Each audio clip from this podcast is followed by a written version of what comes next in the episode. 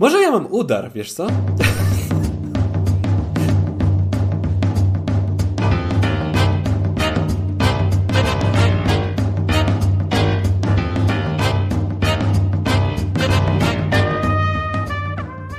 żeśmy poszli elegancko zadowoleni, wypachniliśmy się, prawda, bo to wiadomo, Do miasta, wiadomo, ja prysznic tak. wziąłem nawet. Wyszliśmy, kurde, z, z bloku, przeszliśmy z 10 metrów i zaczął nadupiać grad. I to y, na szczęście taki drobny, jak, jak małe takie, takie, nie wiem, groszki, jak, jak ziarnka kolendry. Ale A takie większe kolendry, czy mniejszej kolendry? W takiej regularnej kolendry, myślę. Ale mnie, mniejsze niż ziele angielskie, tak? Takie... Mniejsze troszkę, no. Mniejsze troszkę, no. Tylko dobra. z wiatrem było, więc zaczął się pać i ja oczywiście spad, spadłem na genialny pomysł, stwierdziłem, no nie, no tak cieple jest, to bluzy nie będę brał z kapturem, tylko sam płaszcz. E, no i mnie cały ryj teraz boli, ale żeśmy doszli Czyli chodziłeś nago w płaszczu po prostu, tak? Tak, tak. Ja tak zawsze wieczorkami sobie wychodzę i jest, jest fajnie, przebiewnie. E, doszliśmy do restauracji, wchodzimy, a tam się okazało, że jakaś, nie wiem, jest, jest komunia barnictwa, czy jakaś impreza rodzinna i no. Nie no, komunia w lutym to na pewno. Ja wiem, kiedy jest komunia. Komunie są w maju, Konrad, w maju. Nie pamiętasz, kiedy rower dostawałeś? A nie w kwietniu? W maju? Oj, chyba maj, czerwiec, chociaż to się pozmieniało, bo tam też były takie roczniki nadprogramowe i tak dalej.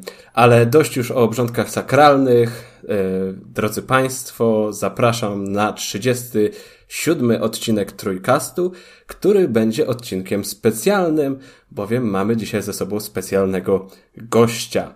Jest z nami Ray, który wygrał naszą aukcję na rzecz WOŚP i podjął to wyzwanie, by w dzisiejszym odcinku wystąpić. E, na wstępie chciałbym Ci bardzo podziękować i pogratulować tej jakże pięknej i szlachetnej wygranej. A dziękuję bardzo. Oprócz Reja jest jeszcze ze mną, ze mną, czyli z Jakubem Smolakiem, jest jeszcze niezastąpiony Konrad Noga. Dzień dobry, ja tutaj nie zapłaciłem wprawdzie nic, żeby tu być. Ja na Nie no, zapłaciłeś te 19 zł miesięcznie. Cicho tam mi psujesz narrację. No, ale, ale chciałbym również Rejowi e, bardzo, bardzo podziękować e, tutaj w imieniu e, Jurka Owsiaka i wszystkich tych biednych dzieci chorych, które, no, no, które Rej wspomógł, jakby nie patrzeć. No i myślę, że powinniśmy przez to Reja tytułować jako Wodzi Reja, bo jest takim wodzem nie, nie trzeba, nie trzeba. Wiesz, wodzirej w dzisiejszych czasach to jednak takie określenie, które może nie wszystkim się dobrze kojarzyć. Nie. Możemy co? po prostu, no nie wiem, a, a, a, a co masz w głowie, jak myślisz? Wodzirej. wodzirej. No i co, na lewo, na prawo, w górę nie, w górę i w dół. Właśnie nie, właśnie, bo wpytę muzykę ze świata kiepskich wpuszczał na przykład, to akurat DJ, ale ale bardzo wspaniale było, panie kolego. O, imprezy. No kurczę, niestety. Muzyki. Nie było baloników. ta impreza. Ominęła mnie ta impreza, niestety. Ty w Chinach siedziałeś. Ciągle czekam na oficjalne zaproszenia po prostu. Listy nie przyszły z zaproszeniami. A Pesko nie ma dzisiaj, o. Właśnie, jak zwykle, a kogo jest, jeśli jesteśmy już przy tym, kogo dzisiaj nie ma i jakich zaproszeń nie ma, to wyobraźcie sobie Państwo, że dziś znowu nie pojawił się na nagraniu Kacper.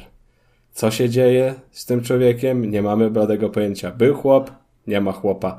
E, Ale faktem jest wiem. to, że tym razem robię za trzeciego.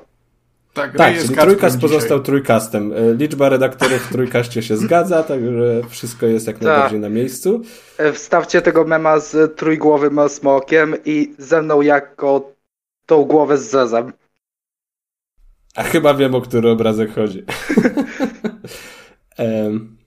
Te tak, takie jak... trzy, trzy smoki. No, dwa, dwa poważne i jeden taki mniej poważny. E, ja tylko mam takie obawy, bo wiesz, może jednak do Kacpra i do Kacpra taty dorwała się ta policja za te, za te kopie tych pirackich gier. Kurczę, no nie wiem, nie wiem, nie wiem. Końcu karma nie... dopadła. Kasper w sztumie siedzi teraz, a ty się nabijasz z niego, wiesz co? Pozdrowienia do więzienia, Kacper, yo, yo, yo! Pozdrowionka! To ja, ja myślę, że musimy jakiś taki torcik upiec i z pilnikiem w środku wysłać Kacprowi coś trzeba będzie takiego takiego ogarnąć. Ciekawe, czy Kasper grypsuje. No nie wiem, wyjdzie, będzie może w następnym odcinku, dostanie przepustkę, to się dowiemy. A teraz przejdźmy już do branżowych newsów. I co tam się wydarzyło w branży? Zaczniemy sobie od najważniejszego tematu, który grzał branżę przez ostatnie chyba dwa tygodnie. Hmm, najprawdopodobniej wielu słuchaczy pomyśli teraz, że chodzi o taką kontrowersyjną grę, ale nic bardziej mylnego. Mowa tutaj o sprawie, która dotyczy CD Projekt Red, a mianowicie o sprawie realistycznych wagin, które pojawiły się w grze za sprawą mm, jednej z aktualizacji. No i wybuchła awantura, bo te waginy się pojawiły. Generalnie chodziło o to, że niektóre potwory po prostu dostały tak, taką, a nie inną teksturę. Te modele wyglądały trochę inaczej niż powinny wyglądać. Bazyliszek. E, przez co... Tak? Bazyliszek? Nie, bazyliszek nie miał. A nie wiem, nie sprawdzałem, kupa. Nie, nie, nie, bo pamiętam, Może że w tym się to było opisane, jak... które... Może jeszcze ten smok jak z serialowego Wiedźmina. Tego starszego, o, nie Netflixowego. Najlepszy smok. Z tego najlepszego serialu o Wiedźminie chciałeś powiedzieć. Piękny. Tak, piękny. tak. Smoku jesteś Dziękuję. No i taka się sprawa, afera się zrobiła, no bo oczywiście, że o, te waralistyczne waginy to nie mogą tak być, bo one tak brzydko wyglądają. No to CEDEP powiedział, że, że to taka pomyłka, że to jakaś taka zawartość, która nie została usunięta, e, bo pochodziła z jakiegoś tam moda. No ale później oburzył się twórca tej modyfikacji, mówiąc, że to są jego waginy. A w ogóle CD Projekt nie zapytał o pozwolenie na te waginy. I co to jest za wstawianie wagin bez zgody autora tych wagin? I CD Projekt powiedział, że to jednak nie są jego waginy. I to w ogóle była taka sprawa jak z mody na sukces. I zmierzamy teraz do sedna tej całej afery. Dlaczego to ludzi tak mocno interesuje? No bo wszystko się kręci wokół seksu, Kubusiu, no. No ale Słuchaj. seksu, nie wiem, utopców, na... co się tam dzieje? Ale to, nie, ale to nie były tylko potwory chyba. Nie tylko potwory? A mi się wydawało, że potwory i że tylko... Ja o tych potworach też słyszałem, ale wydaje mi się, że to więcej było. Znaczy kolega no... mi mówił, nie? Ale... nie, no. Co, nawet, ten, nawet ten NPC-ów to dopadło? Myślę, no że tak, wszyscy to najbardziej... Wydaje mi się, że to głównie było tworzone Umówmy się, no Wiedźmin 3 to jest gra, w której jest cimci rimci i to jeszcze jakie. Znaczy no, podejrzewam, że jeżeli trzeba by to sprawdzić, jeżeli pierwszy mod nie był modem, który rozbiera gdzieś tam bohaterki bardziej niż powinien, to... No to, to, to... przecież jak nie, no a Ciri ręcznik, tak, jak to tak, żeby ona w ręczniku śmigała? No, no właśnie. Tak, trzeba rozebrać. Takie mody powstają w pierwszej kolejności. Tak. Mm. Mnie po prostu, mnie po prostu śmieszyło, jak z takiej głupiej rzeczy zrobiła się taka bardzo, no nie chcę powiedzieć, że duża afera, ale taka klikalna. Taka klikalna afera. Że...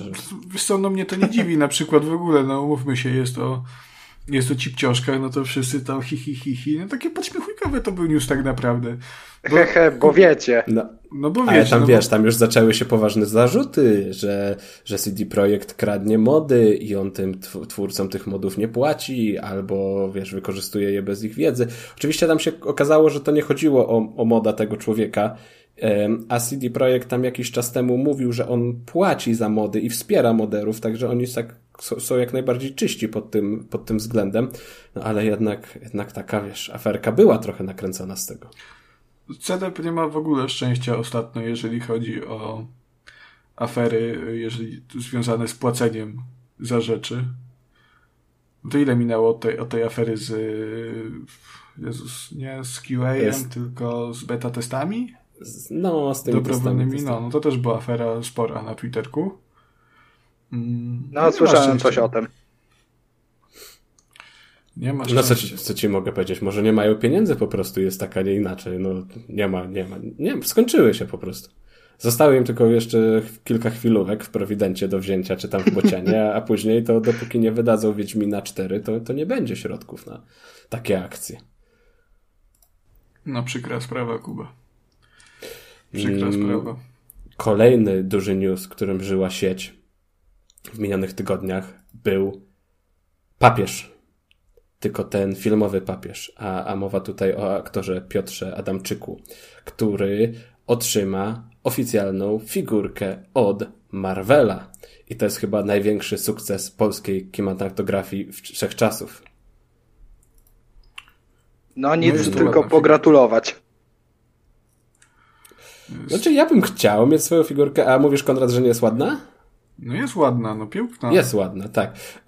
Bo przypomnijmy, papież, który został figurką. Papież, który został figurką. E, ta figurka, znaczy no to jest postać, którą, którą pan Piotr zagrał w jednym z marvelowskich seriali, serialu Hawkeye, tak? I tam wcielił się w jednego z członków dresiarskiej mafii. E, Sutrak Mafia chyba to, to było po angielsku, prawda?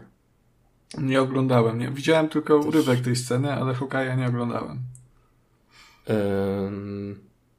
No i ta postać bardzo się spodoba. Ja też, wiesz, jak usłyszałem tego newsa, to sobie serialu nie oglądałem, ale włączyłem sobie na YouTubie jakieś takie najlepsze sceny, w których on występował. I one fajne były w sumie, takie, wiesz, bo on też po polsku mówił. Takie nasze tak, były, nasze takie były, jak na się. No, takie też tam Kazik spierdolamy, tak. to w sumie fajnie, fajnie wpisywało się w ten cały, cały klimat. Także figurki y, jak najbardziej mm, zazdrościmy, ale to też nie będzie taka, taka figurka tylko i wyłącznie dla niego, bo tam na nią e, składa się kilka elementów, tam będą wymienialne twarze. No, a może dodatkowo... rozbierać jak lalkę Barbie, czy nie? E, kurczę, tak jak patrzę na model tej figurki, to chyba jednak nie, chyba jednak no to nie. kiepsko, kiepsko. Ale łącznie będą trzy twarze i, i, i trochę e, e, takich akcesoriów. Ale, ale, to, ale czekaj, to będą trzy twarze różnych bohaterów, czy tylko Adamczyka? Jest Adamczyk, jest jeszcze drugi bohater i jest jeszcze twarz w tej kominiarce. Zamaskowany. A to są z tej mafii wszystko, tak? To nie jest tak, że tak, tak, tak, tak, tak. Nie, nie, nie, to są... Nie, nie, nie, nie, nie. Hawkeye to jest, wiesz, w szpitalu. Chociaż już chyba wyszedł ze szpitala.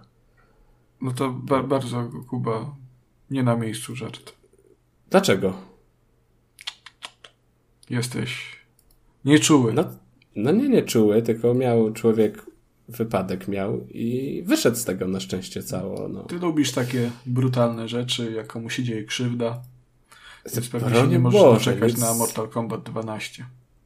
A, płynne przejście, ty, Drakusie. A, dobre. A to Płynne przejście. No to, to teraz opowiedz więcej. No będzie. Będzie, ale tak fajnie, bo miało nie być, a będzie. Miało nie być? Nie, no nic Miało nie było nie wiadomo o tym Mortal Kombat. Po prostu wyszedł sobie y, pan Dawid Zaslaw, prezes Warner Bros. Y, i powiedział, że, że robią. I wiesz, oni nie pokazali żadnego trailera. No, tak, nie pokazali... tak zapowiedzi zazwyczaj wyglądają. Tak, tak, tak, tak, tak. Po prostu pewnego ranka obudziliśmy się i dowiedzieliśmy się, że Mortal Kombat 12 będzie i to będzie jeszcze w tym roku. A pamiętam sytuację, w której chyba wtedy był u nas e, Grzesiek Wojewoda, zwany również Prezem Perezem. Tak? Prezem tak. Perezem. Pozdrawiamy Dobrze serdecznie. Pozdrawiamy serdecznie. I y, wtedy wywiązała się jakaś dyskusja na temat Street Fightera, chyba szóstki. Tak, no. I Kacper, Kacper zachwalał i mówił, że o, dobry czas, bo nie będzie też premiery żadnej innej bijatyki w najbliższym czasie i tak dalej, i tak dalej. No i się te plany y, posypały. No i Warner Bros. usłyszało odcinek trójkastu. E, odcinek I mówią, o faktycznie, faktycznie. Trzeci. No i Kasper zepsuł Street Fighterowi dobrą pasę, bo... No znaczy też jak patrzyłem ostatnio na materiały z tego Street Fightera, to on jest jakiś taki dziwny. Nie wiem, nie mogę się przekonać. Street Fighter zawsze taki był, bardzo karykaturalny. To Najbardziej chyba... ciekawi, czy będzie tam kudłaty. W, w Street Fighterze? Chyba nie. Czy nie? Nie, w, w Mortal Kombat. W Mortalu właśnie. A który to jest kudłaty? Jakieś... O Jezus, ze Scooby, ty powinieneś pamiętać akurat. Znaczy nie, no Scooby-Doo to wiem kudłaty, ale dlaczego on miał być w Mortalu? Ja nie jestem no, z Mortalami na bieżąco. Bo Warner Bros. A, no ale przecież oni mieli tu swoją bijatykę, co taką, taką smaszową. No, mieli, A, ale rzeczywiście. Ale w sumie mógłby być, jeżeli by Warner Bros. chciał tak memicznie pojechać, bo przecież Mortal Kombat ma historię różnych dziwnych postaci, które były dodawane. W 11 tak. był chyba yy, Piotr Adamczyk. Schwarzenegger. No Piotra Adamczyka nie było, niestety może będzie w 12. No ale był, był Rambo Bambo. Nie Rambo.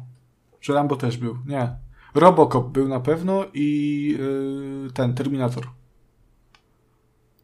No to w tak właśnie kudłaty ze Scooby-Doo wpasuje się. W, yy, tak, tak mógłby być. Jest potencjał tam ukryty, prawda? Tak. No go ładnie wystylizują, no czemu nie? Gdzieś tam pomiędzy Schwarzeneggerem a Robocopem, ja bym powiedział. No ale przecież on był zawsze chudy jak śmierć, no błagam. Mimo, że tyle wżerał.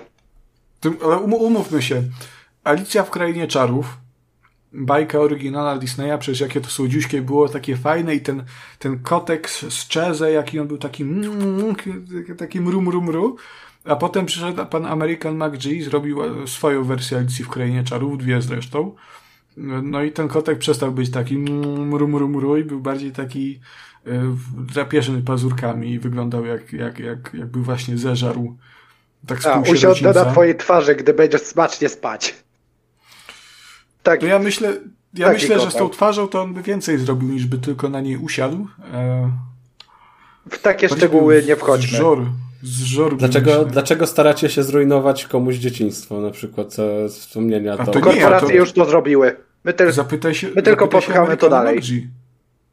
Znaczy, powiem Ci, że w tych klimatach jeszcze y, wczoraj zaczęliśmy oglądać tego Pinokio, którego gdzieś tam polecałeś na, na Twitterze. Widziałem, że bardzo Ci się podobał ten no. film Netflix, Netflixowski. E, no i ten, ten, ten Pinok... No, no, proszę. Ten Netflix to... Netflixow... Nie, czekaj.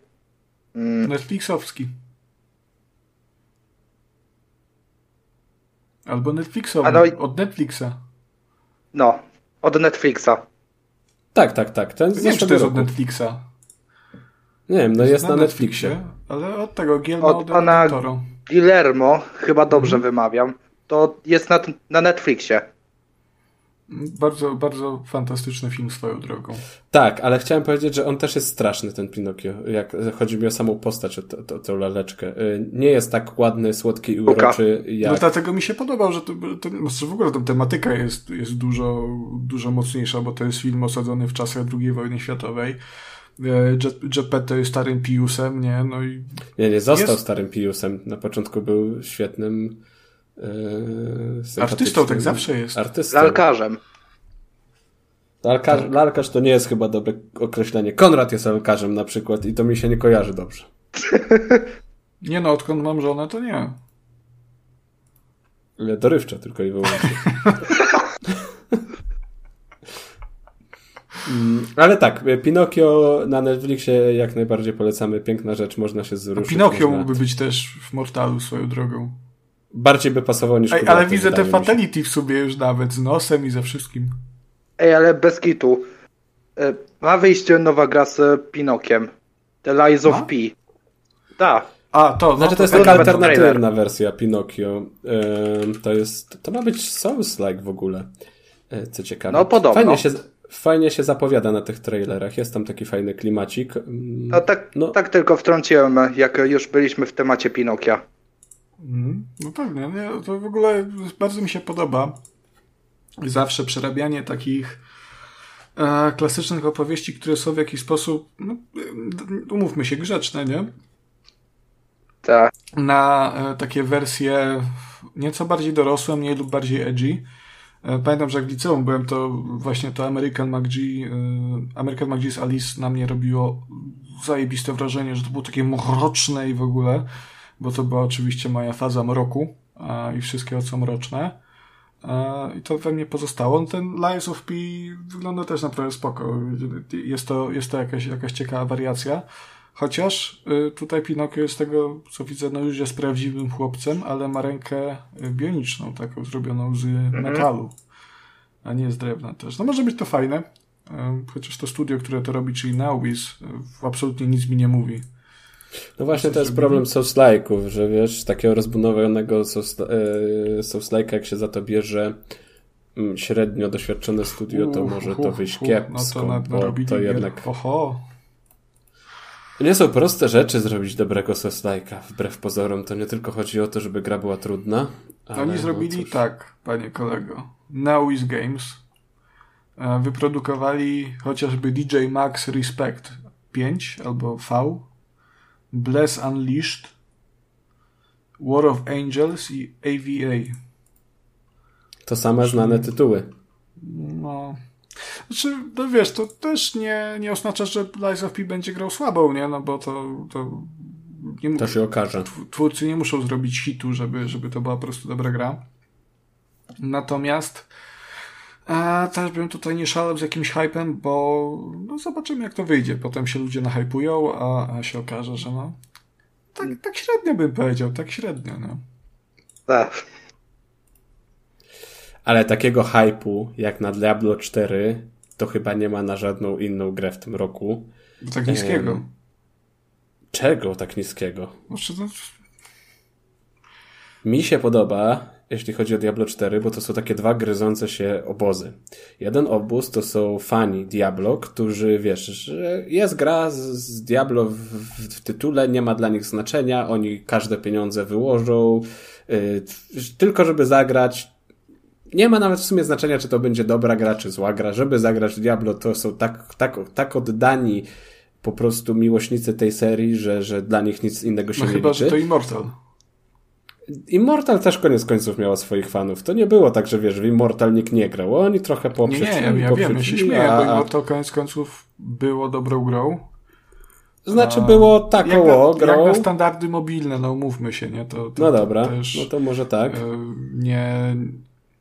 Nikt chyba nie oczekiwał, że to będzie pełnoprawne Diablo i będzie tak dobre jak pozostałe e, gry z serii e, znaczy, z wyłączeniem tu zakładasz, tu zakładasz wiarę w ludzkość są ludzie, którzy oczekiwali tego jednak. Gwarantuję ci to, że byli przekonani, że to będzie kolejna pełnoprawna odsłona Diablo. No to, no cóż, no, małe skrzypeczki grające dla tych ludzi. A ja szczerze mówiąc, nie wiem, mi się te Diabla podobały bardzo. Ja nie jestem w ogóle z tych, z tych ludzi, które, którzy się na Diablo wychowali, mimo że za dziecka grałem. Jedynka mi się super podobała, dwójkę i trójkę przeszedłem razem z dodatkami e, przed podcastem też z Grześkiem, e, Prezem, Perezem, Wojewodą. Czy to był odcinek 13 chyba? Jak ty taki... pięknie pamiętasz, Konrad? Tak mi się wydaje, nie wiem czy nie kłamię teraz. To był taki odcinek półspecjalny tak naprawdę. E, ale właśnie poświęcony w dużej mierze Diablo. Mm, tak, 13. I, i cóż, chyba, chyba się trochę. Najpierw się zachwyciłem tą serią, bo jedynka mi się mega dawno temu podobała, dwójka to już w ogóle wsiąknąłem jak głupi, a, a trójka potem no już miałem taki przesyp, plus ona sama była ok, co najwyżej. Więc nie wiem, teraz jak, jak słyszę o tym Diablo 4, ani mnie to nie, nie grzeje, ani mnie, mnie to nie ziębi, pewnie zagram kiedyś, ale no Wiesz, bo ja w sumie nie dokończyłem tej myśli, bo mówiłem, że jeden obóz to jest właśnie tych, tych takich radykalnych fanów, co zrobią wszystko za Diablo, a drugi to są ludzie, którzy będą jebać Blizzarda przy każdej możliwej okazji, za co się tylko da. Nie ma znaczenia już, czy Blizzard robi cokolwiek dobrze, czy źle, czy ładnie pokazują, czy kiepskie trailery. W komentarzach pod postem Diablo i Blizzard muszą oberwać, już tak po prostu z, tak, dla zasady, profilaktycznie. Jest inaczej, z elektronikami jest inaczej. To jest trochę, trochę, trochę, trochę smutne, trochę przykre, bo jednak przestaliśmy w pewnym momencie gdzieś oceniać za faktyczny, faktyczny stan rzeczy, a tak oceniamy na wyrost. Y. No ale to jest nasza no, tutaj giereczkowa branża. Ostatnio to zdarza się dosyć często. Przynajmniej z tego, co no. widziałem. Mm, ostatnio numerem przewodnim jednak jest, jest bojkot i świetnie zaplanowane i przeprowadzane bojkoty. Po prostu faj, fajnie, ciekawe kiedy gracie Nawet te, które są kiepskie przeprowadzone. Patrzę na ciebie Hogwarts Legacy. Tak, także tu jeszcze, tu jeszcze mm, gracze muszą się trochę pouczyć. E, a, a jeśli chodzi o Diablo, no to news jest taki, że w ostatnim czasie mm, pojawił się nowy trailer, pojawił się też taki e, no, dziennik deweloperski, w którym gdzieś tam twórcy opowiadali trochę więcej o samej grze, także to sobie można jak najbardziej nadrobić, ale też dostaliśmy newsa, że e, będą otwarte testy beta. I teraz osoby, które złożyły zamówienia w formie przedpremierowej będą mogły wziąć udział w testach w dniach 17-19 marca, a dla wszystkich pozostałych e, gra zostanie, dostęp zostanie odblokowany 24 e, i potrwa do 26 marca. Także jakbyście chcieli sobie sprawdzić Diablo 4, to, to jak najbardziej można się e, wtedy zainteresować w tym, a nuż się uda. Mm, w ramach tych testów będzie można chyba tam zwiedzić pierwszy akt gry i osiągnąć maksymalnie 20 czy 25 poziom e, postaci. Mm, no ale będzie sobie można po prostu grać i patrzeć, co tam, co tam na wstępie przygotowali twórcy. E, premiera Diablo 4 została zaplanowana na 6 czerwca. Tak, tak, taka już oficjalna i generalna. Ja czekam bardzo. Konrad powiedział, że nie czeka w ogóle. A jak to Ray wygląda u ciebie? Jakiś sentyment do Diablo serii? Nie, nie specjalnie. Nigdy nie grałem w jakąkolwiek grę z serii Diablo. A. Ale słysząc Kolejne... was, dochodzę do wniosku, że kiedyś będę musiał to nadrobić. Yy, obowiązkowo, bo to jednak jest taka, taka, taka klasyka. No i gra, która bardzo dużo dała mm, samemu no, historii gamingu, bardzo dużo wniosła. A jeszcze jedno pytanie kontrolne, bo jak nie grałeś w Diablo, to już się naraziłeś milionom słuchaczy na całym świecie. Oje. Powiedz jeszcze, czy grałeś w Gotika? Eee... Nie. Dobra, jak teraz dołożysz, że nie lubisz Wiedźmina, to jest pozamiatane. Nie no, do Wiedźmina nic zmienia. Nie mam. Dobra, to nawet możesz zachować. Nawet mamy trójkę w wersji pudełkowej. Edycja gry roku. Super, to możesz, możesz zachować obywatelstwo, paszport, pa, e, Super. paszport, tak. tak. Jesteś uratowany, to tak, ale to tak rzutem na, rzutem na taśmę. No praktycznie oblałbyś test z polskości. A jak tam jeszcze może Heroesy trójka? Mm, grałem kiedyś, w dzieciństwie. I co, czwórka o. lepsza, nie? Nie mów tego. Nie mów tego. Czwórkę nawet nie grałem. Więc na temat czwórki się nie wypowiem. To, to, to była podpucha. Zdałeś, nie, zdałeś ten test. Czwórka jest powszechnie przez ludzi cywilizowanych uznawana za najlepszą odsłonę serii. Wprowadzono wiele potrzebnych zmian, które, y, które poprawiły to, co w Heroesach Trójce było, było nie tak. A było tam bardzo dużo nie tak. Ojejku. Tak. Dobrze, Konrad, a co słychać u twojej ulubionej gry wyścigowej? No, y, no dalej czekam na Forza Motorsport, która nie wiadomo kiedy wyjdzie, natomiast e, Microsoft i Playground Games mm, odrobinę mi osładzają e, ten moment wyczekiwania. A został zapowiedziany no, kilka dni temu dosłownie mm, drugi dodatek, drugi z dwóch, czyli to już ma być ten ostatni. Pierwszy był z Hot Wheelsami, jakoś chyba na wakacje zeszłego roku i teraz został zapowiedziany mm, dodatek, który będzie się nazywał, do Forza Horizon 5, to ważne, e, będzie się nazywał Oczywiście sąsiad zaczął tłuc młotkiem, jak mówię, mam nadzieję, że to nie słychać.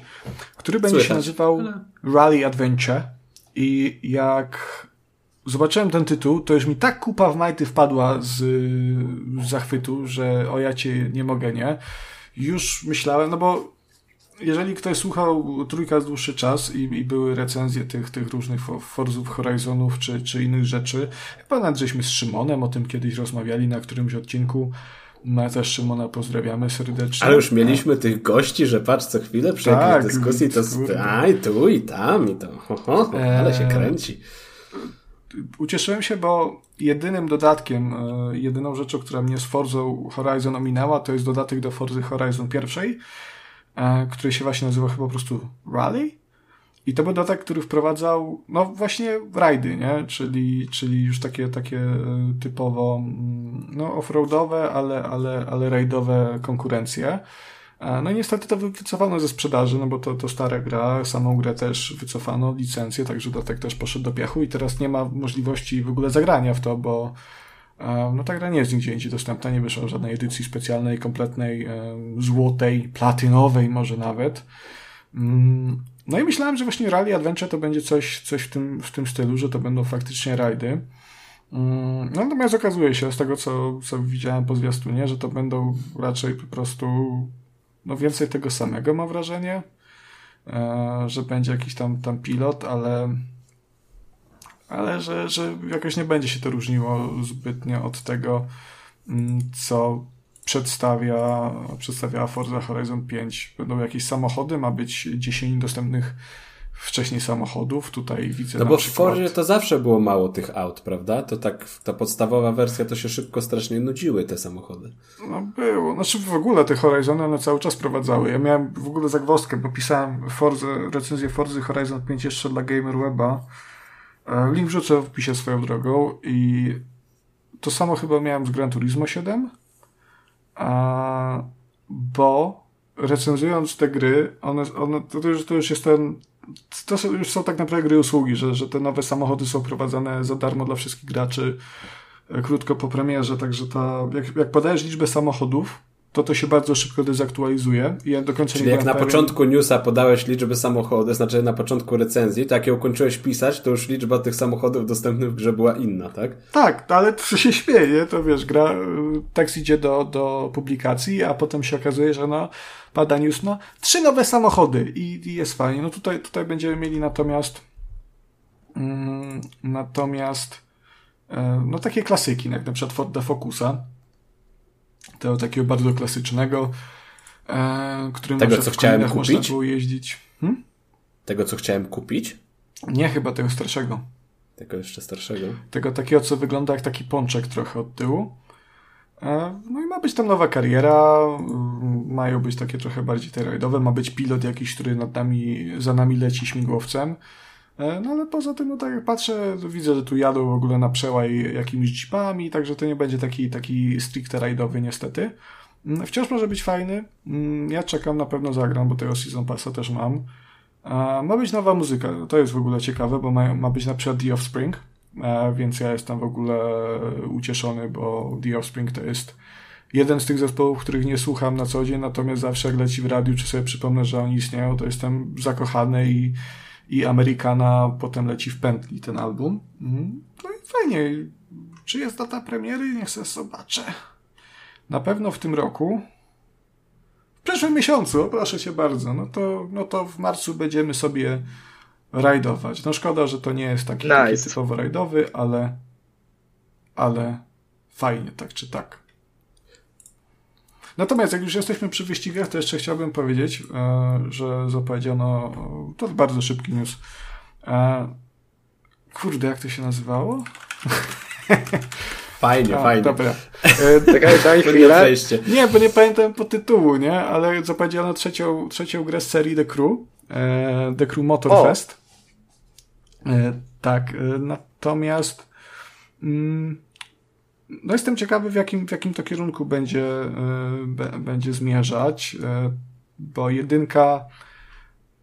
Ja bardzo bolewam, że dwójka nie była tak, taka jak jedynka, bo jedynka była takim w zasadzie e, driverem nowych czasów. Tam była ta historia taka, taka kryminalna z policją, by, było to jeżdżenie, to było super, po, po całych Stanach się jeździło. Dwójka to już był, to już była Forza Horizon tak na, naprawdę.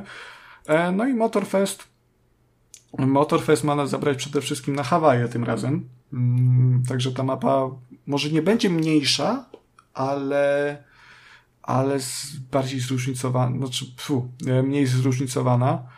E, no i coś, no wydaje mi się, że pewnie pójdę w tym samym kierunku co, co dwójka. Mm, bo mają być i samoloty, i łodzie, także, także będzie dziko. E, no cóż, zobaczymy. No ja czekam, bo mimo wszystko te, te dekru, mimo że one nie mają jakiejś bardzo wysokiej renomy wśród fanów wyścigów, no to jednak to dekru mnie e, jakoś tam interesuje. No i Koch chyba potwierdza, że jego też. Ja bym chciał zrobić jeszcze takie płynne cofnięcie. Oho bo y, przypomniało mi się w sumie, jak gadaliśmy o tych samochodach do, do, do Forzy i do Gran Turismo, że jakiś czas temu mm, jeden z, z designerów czy z, czy z producentów e, właśnie, właśnie z Polyphony Digital mm, zdradził, ile trwa wyprodukowanie, stworzenie takiego modelu pojedynczego samochodu. E, no i według tego, co on przekazał, no to studio musi pracować nad takim jednym, wyłącznie jednym modelem 270 dni, czyli około 9 miesięcy. I jak teraz dostajemy w jakiejś aktualizacji powiedzmy 10 nowych autek, e, no to kurczę, to masa, masa pracy i sporo ludzi jest e, zaangażowanych w takie coś. Także każdy model samochodu należy docenić. Amen. Tak. Mm, dobra. I co jeszcze chcieliśmy poruszyć? A, chcieliśmy opowiedzieć o takiej grze, która robi teraz furorę na Steam. Mm, Czyżby mowa o Sons of the Forest? Tak, tak, tak. Miałeś może okazję zagrać? E, nie, ale słyszałem, że, osiąg... że ta gra osiągnęła sukces. Właśnie taki dość niespodziewany sukces. Bo z tymi survivalami to tak już jest, że od czasu do czasu, nie wiem, co, co trzy miesiące, co pół roku wyjdzie um, taki jeden survival, który po prostu zrobi boom. W tym miejscu przypomina mi się Valheim. E, w sumie temu hype'owi na Valheim ty i my daliśmy się, się porwać, prawda, Konradku? Pamiętasz te nasze wspaniałe przygody? Zniszczyłeś mi drzwi. ale tylko, ale tylko wirtualne drzwi. E, taką też Nie podobną... Nie no, drzwi mojego serca również. O, słodko. E, Można powiedzieć, też... że je wyważyłeś. Ty byku, ty. Oj, to nie słodź mi tak. Ulala. E, też przypomniała mi się sytuacja z Vampires Survivors, chyba to się nazywało, prawda? Też był taki taki, taki, taki, taki hit. Mm, Sprecyzowałeś i zachwalałeś to. A, nie, nie, nie, nie Vampire, nie Vampire Survivors. Czekaj. Tak, V-Rising. O, o, tak, tak, tak, to miałem na myśli. Tu i tu były wampirki. E, stąd to, stąd to nieporozumienie. Mm, no i teraz przyszła pora na, na um, song o so, Sons. Sons, Sons of the Sons. Forest. No. Sons? Synowie lasu. Yy... Tak. I w ogóle yy, taki to się hit okazał, moi drodzy, że w przeciągu 24 godzin od premiery sprzedało się 2 yy, miliony egzemplarzy tych, tej gry. Także to jest, to jest, to jest bardzo, bardzo dużo. Yy, w tym tygodniu też chyba pojawił się news o Elden Ring o, i o sprzedaży Elden Ring i wszyscy byli zachwyceni tym, jak bardzo dobrze się ta gra sprzedała, a sprzedało się jej 20 e, milionów. Mhm. Tak. Czyli to, to, kurczę, to nie jest taka duża różnica. jak na niezależne studio. Podejrzewam, że produkcja Sons of the Forest też trochę mniej kosztowała, e, a to już w ogóle inne, inne sukcesy. Wciąż kosztuje, bo to jest gra we wczesnym dostępie. E, znaczy, wiesz, jak to teraz będzie. Na początku twórcy sobie zakładali, że ta gra będzie we wczesnym dostępie 7 miesięcy. Ale podejrzewam, że teraz to wszystko się wywróci do góry nogami, e, bo trzeba będzie tych wszystkich, te wszystkie miliony graczy e, jakoś bardziej zainteresować, więc trzeba będzie dodawać nowe rzeczy i wszystko. Czy jakie to ma wymagania sprzętowe? Jezus, minimalne 12 GB RAMu, matko bosko kochana. Kto to ma tyle gigabajtów RAMu w ogóle? Chryste. Jest. Straszne, straszne rzeczy. Także to, to, to może być taki projekt, który będzie w Early Access i już zostanie na bardzo długo w Early Access, ale wszyscy będą e, umownie przyjmą, że to ta gra już miała premierę. To będzie taka trochę sytuacja jak z Ark. Mm, Valheim chyba też ciągle nie wyszedł, co nie? Ze wczesnego dostępu. Tak mi się, tak mi się wydaje. Więc ta gra jeszcze tam na pewno y, sporo, sporo mm, pobędzie. Ja jeszcze tylko chciałem... jeszcze, nie. No, jeszcze, jeszcze spokojnie. Ja te, chciałem sobie tylko jeszcze rzucić na, na Steam DB. No Kurde, i teraz jeszcze, aktualnie... Jeszcze dwa lata ma nie wyjść Valheim. O, widzisz. I tam ostatnio dodali chyba cały nowy świat, coś mi się tak kojarzy. E, w sumie moglibyśmy pograć teraz już stabilne łącze, moglibyśmy zobaczyć, co tam się, co tam się dzieje. E, teraz w Sons of the Forest zagrywa się 361 tysięcy graczy, a w piku tych graczy było 411 tysięcy. Także 412 praktycznie. Także jest, jest, jest wow. Sporo. Mm. Nie jest to może sukces Hogwarts Legacy, ale to też y, trochę. Nie, to wciąż sporo. Tak, tak, jak najbardziej, jak najbardziej robi, robi wrażenie. Dobrze, moi mili, czy ktoś chciałby jeszcze coś dorzucić do naszej sekcji newsowej? Ja bym nie chciał. Ray? Może nie.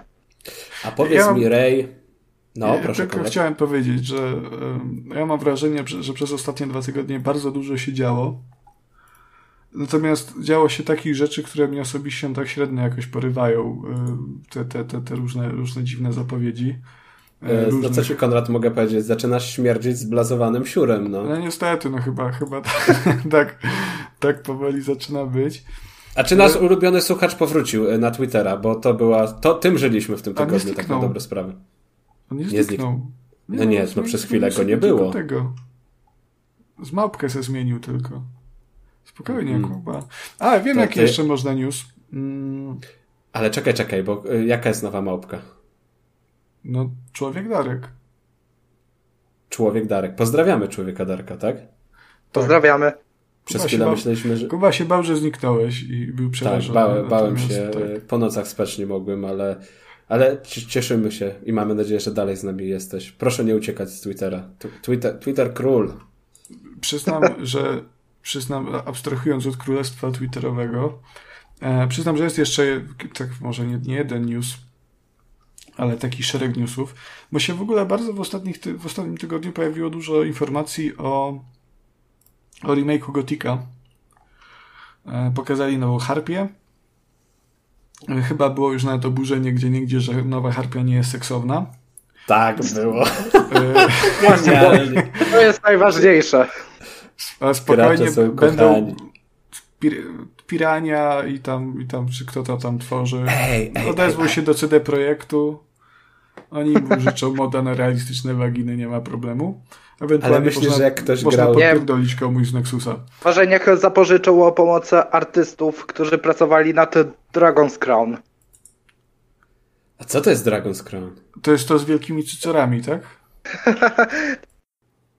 Taka To- bijatyka. To jest, to jest Dragon's Crown to jest beat'em up i to jest z tego co No, pamiętam, beat'em up.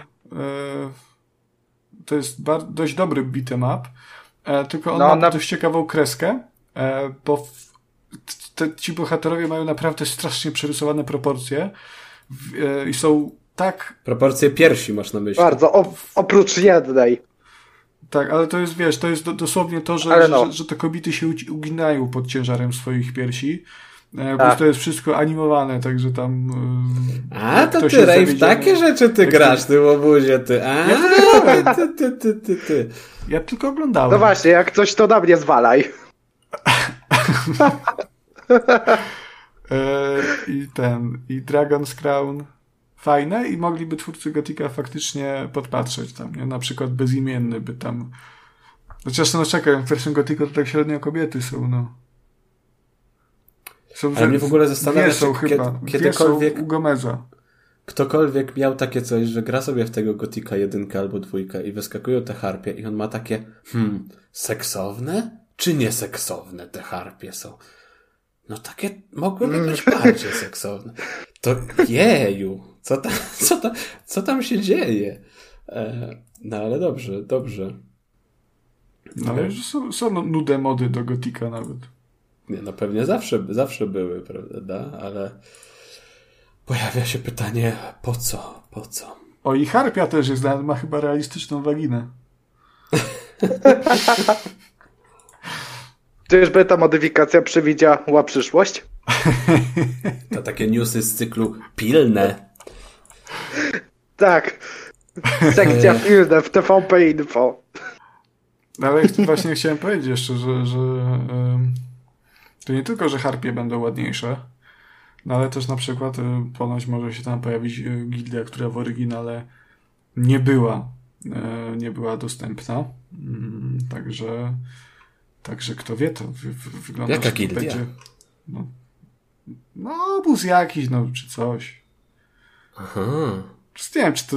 Myślę, że to by się spotkało raczej z negatywnym odbiorem ze strony ultrafanów, no bo umówmy się, do nikogo innego ten remake nie jest kierowany i nie trafi. Mm. Ale cóż, no, no, no zobaczymy. Ja trochę czekam. Mm. Bo, Gothic, no mówmy się, coś pięknego, wspaniała. Ale gra, czekasz na grę, przygoda. czy czekasz na awanturę związaną z premierą tej No gry? to, no, to, to i na to, Kuba. No to i na to. No. I co jeszcze było ciekawego? Aha, Battlefield 7 ma być i mają nad nim pracować dwa zespoły. Nad kampanią w ogóle, więc to. To Kacper no, kupi. Kasper kupi, Kasprowi się spodoba, bo to nie będzie naciąganie. A, no cóż, no. No, że będzie lepszy niż ten obecny, oby tak było.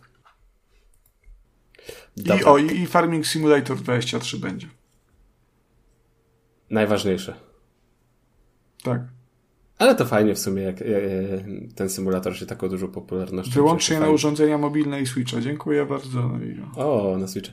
A o, propos Switcha, to, to w ogóle mam teraz takie coś, bo my często narzekamy na działanie tego Switcha i na jego Zawsze. możliwości. Ale wiesz co, ja tak sobie ostatnio gdzieś po prostu piszę jakieś newsy i mam takie e, gra zadebiutuje na rynku tam 7 e, maja i będzie dostępna na PC-tach PlayStation 5, Xbox Series SX i Nintendo Switch. I takie on. Jak? co, co, co tam się wydarzy? Ja, ja, nie wiem, bo Switch już na, w chwili obecnej jest tak naprawdę dwie generacje do tyłu wydajnościowo. Jest, jest dramat. Yy, ale to, że tak powiem, mm, nie nasz, nie nasz, nie nasz problem. A chyba ogólnie takie, takie zainteresowanie Switchem już mocno, mocno spadło. Pewnie przy, przy premierze nowej Zeldy trochę odżyje, ale potem już będzie się wygaszało do, do debiutu następnej konsoli. Mm, dobra. A teraz tak, bo zanim tam była afera z drugim laptopem i z baterią, chciałem Cię jeszcze, Ray, podpytać, jak u, u Ciebie stoją sprawy, jeśli chodzi o indyki i, i gry niezależne? Lubisz, nie lubisz? Lubię bardzo. To w co tam Ostatnio nawet zagrywałem się w Dodgeball Academia. Dodgeball? ty w jakieś bardzo dziwne gry grasz, wiesz? E, powiem tak, Dodgeball Academia to gra o zbijaku elementami no. RPG. Jest tam levelowanie, posek zdrowia, e, specjalne ataki. A nie, no wygląda całkiem spoko. Widzę, że nawet, nawet e, fajne no recenzje spoko. złapało na, na Steam. Humble Games też to wydaje, więc, mhm. więc dobry wydawca. A, spoko, spoko. Ukończyłem Warto. tą grę. Mam nawet e, platynę, chwaliłem się ostatnio. I powiem tak. Gra jest fajna. Ciekawe postacie. Fabuła trochę prosta, ale nadrabia humorem. I walki, choć z początku bardzo interesujące, to po jakimś czasie robią się takie y, powtarzalne. Mhm. A długa to jest gra?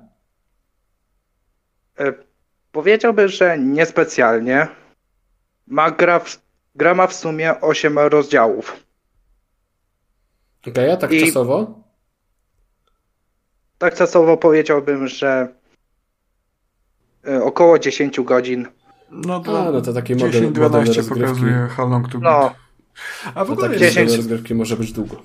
W ogóle jest, jest, jest ostatnio, już nie wiem czy ostatnio, ale ostatnio odkryłem, a cały taki gatunek tych gier sportowych powiązanych z RPG-iem i JRPG-iem. E, chyba w grudniu wyszło Soccer Story, wcześniej jakieś Golf Story jeszcze było. W życiu w nic takiego nie grałem, ale szczerze przyznam, że jak zobaczyłem to Soccer Story, które ponoć jest bardzo słabe swoją drogą, a to całkiem mnie to zainteresowało, także nie wiem, czy się tego no to takie W twoich klimatach coś jest słabe, to mnie zainteresowało. Ej, ej no to, nie no. tak, no, ale to jest chińskie bajki takie to są troszkę. No, mimo, że wspominałem o e, fajnych, choć później powtarzalnych walkach, to nie powinieneś się zawieść. Fabuła prosta, humor fajny, postacie interesujące. Naw nawet spoko, podobało mi się.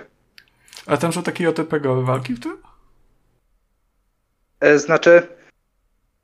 No takie e, walki od... Nie, nie turóweczki.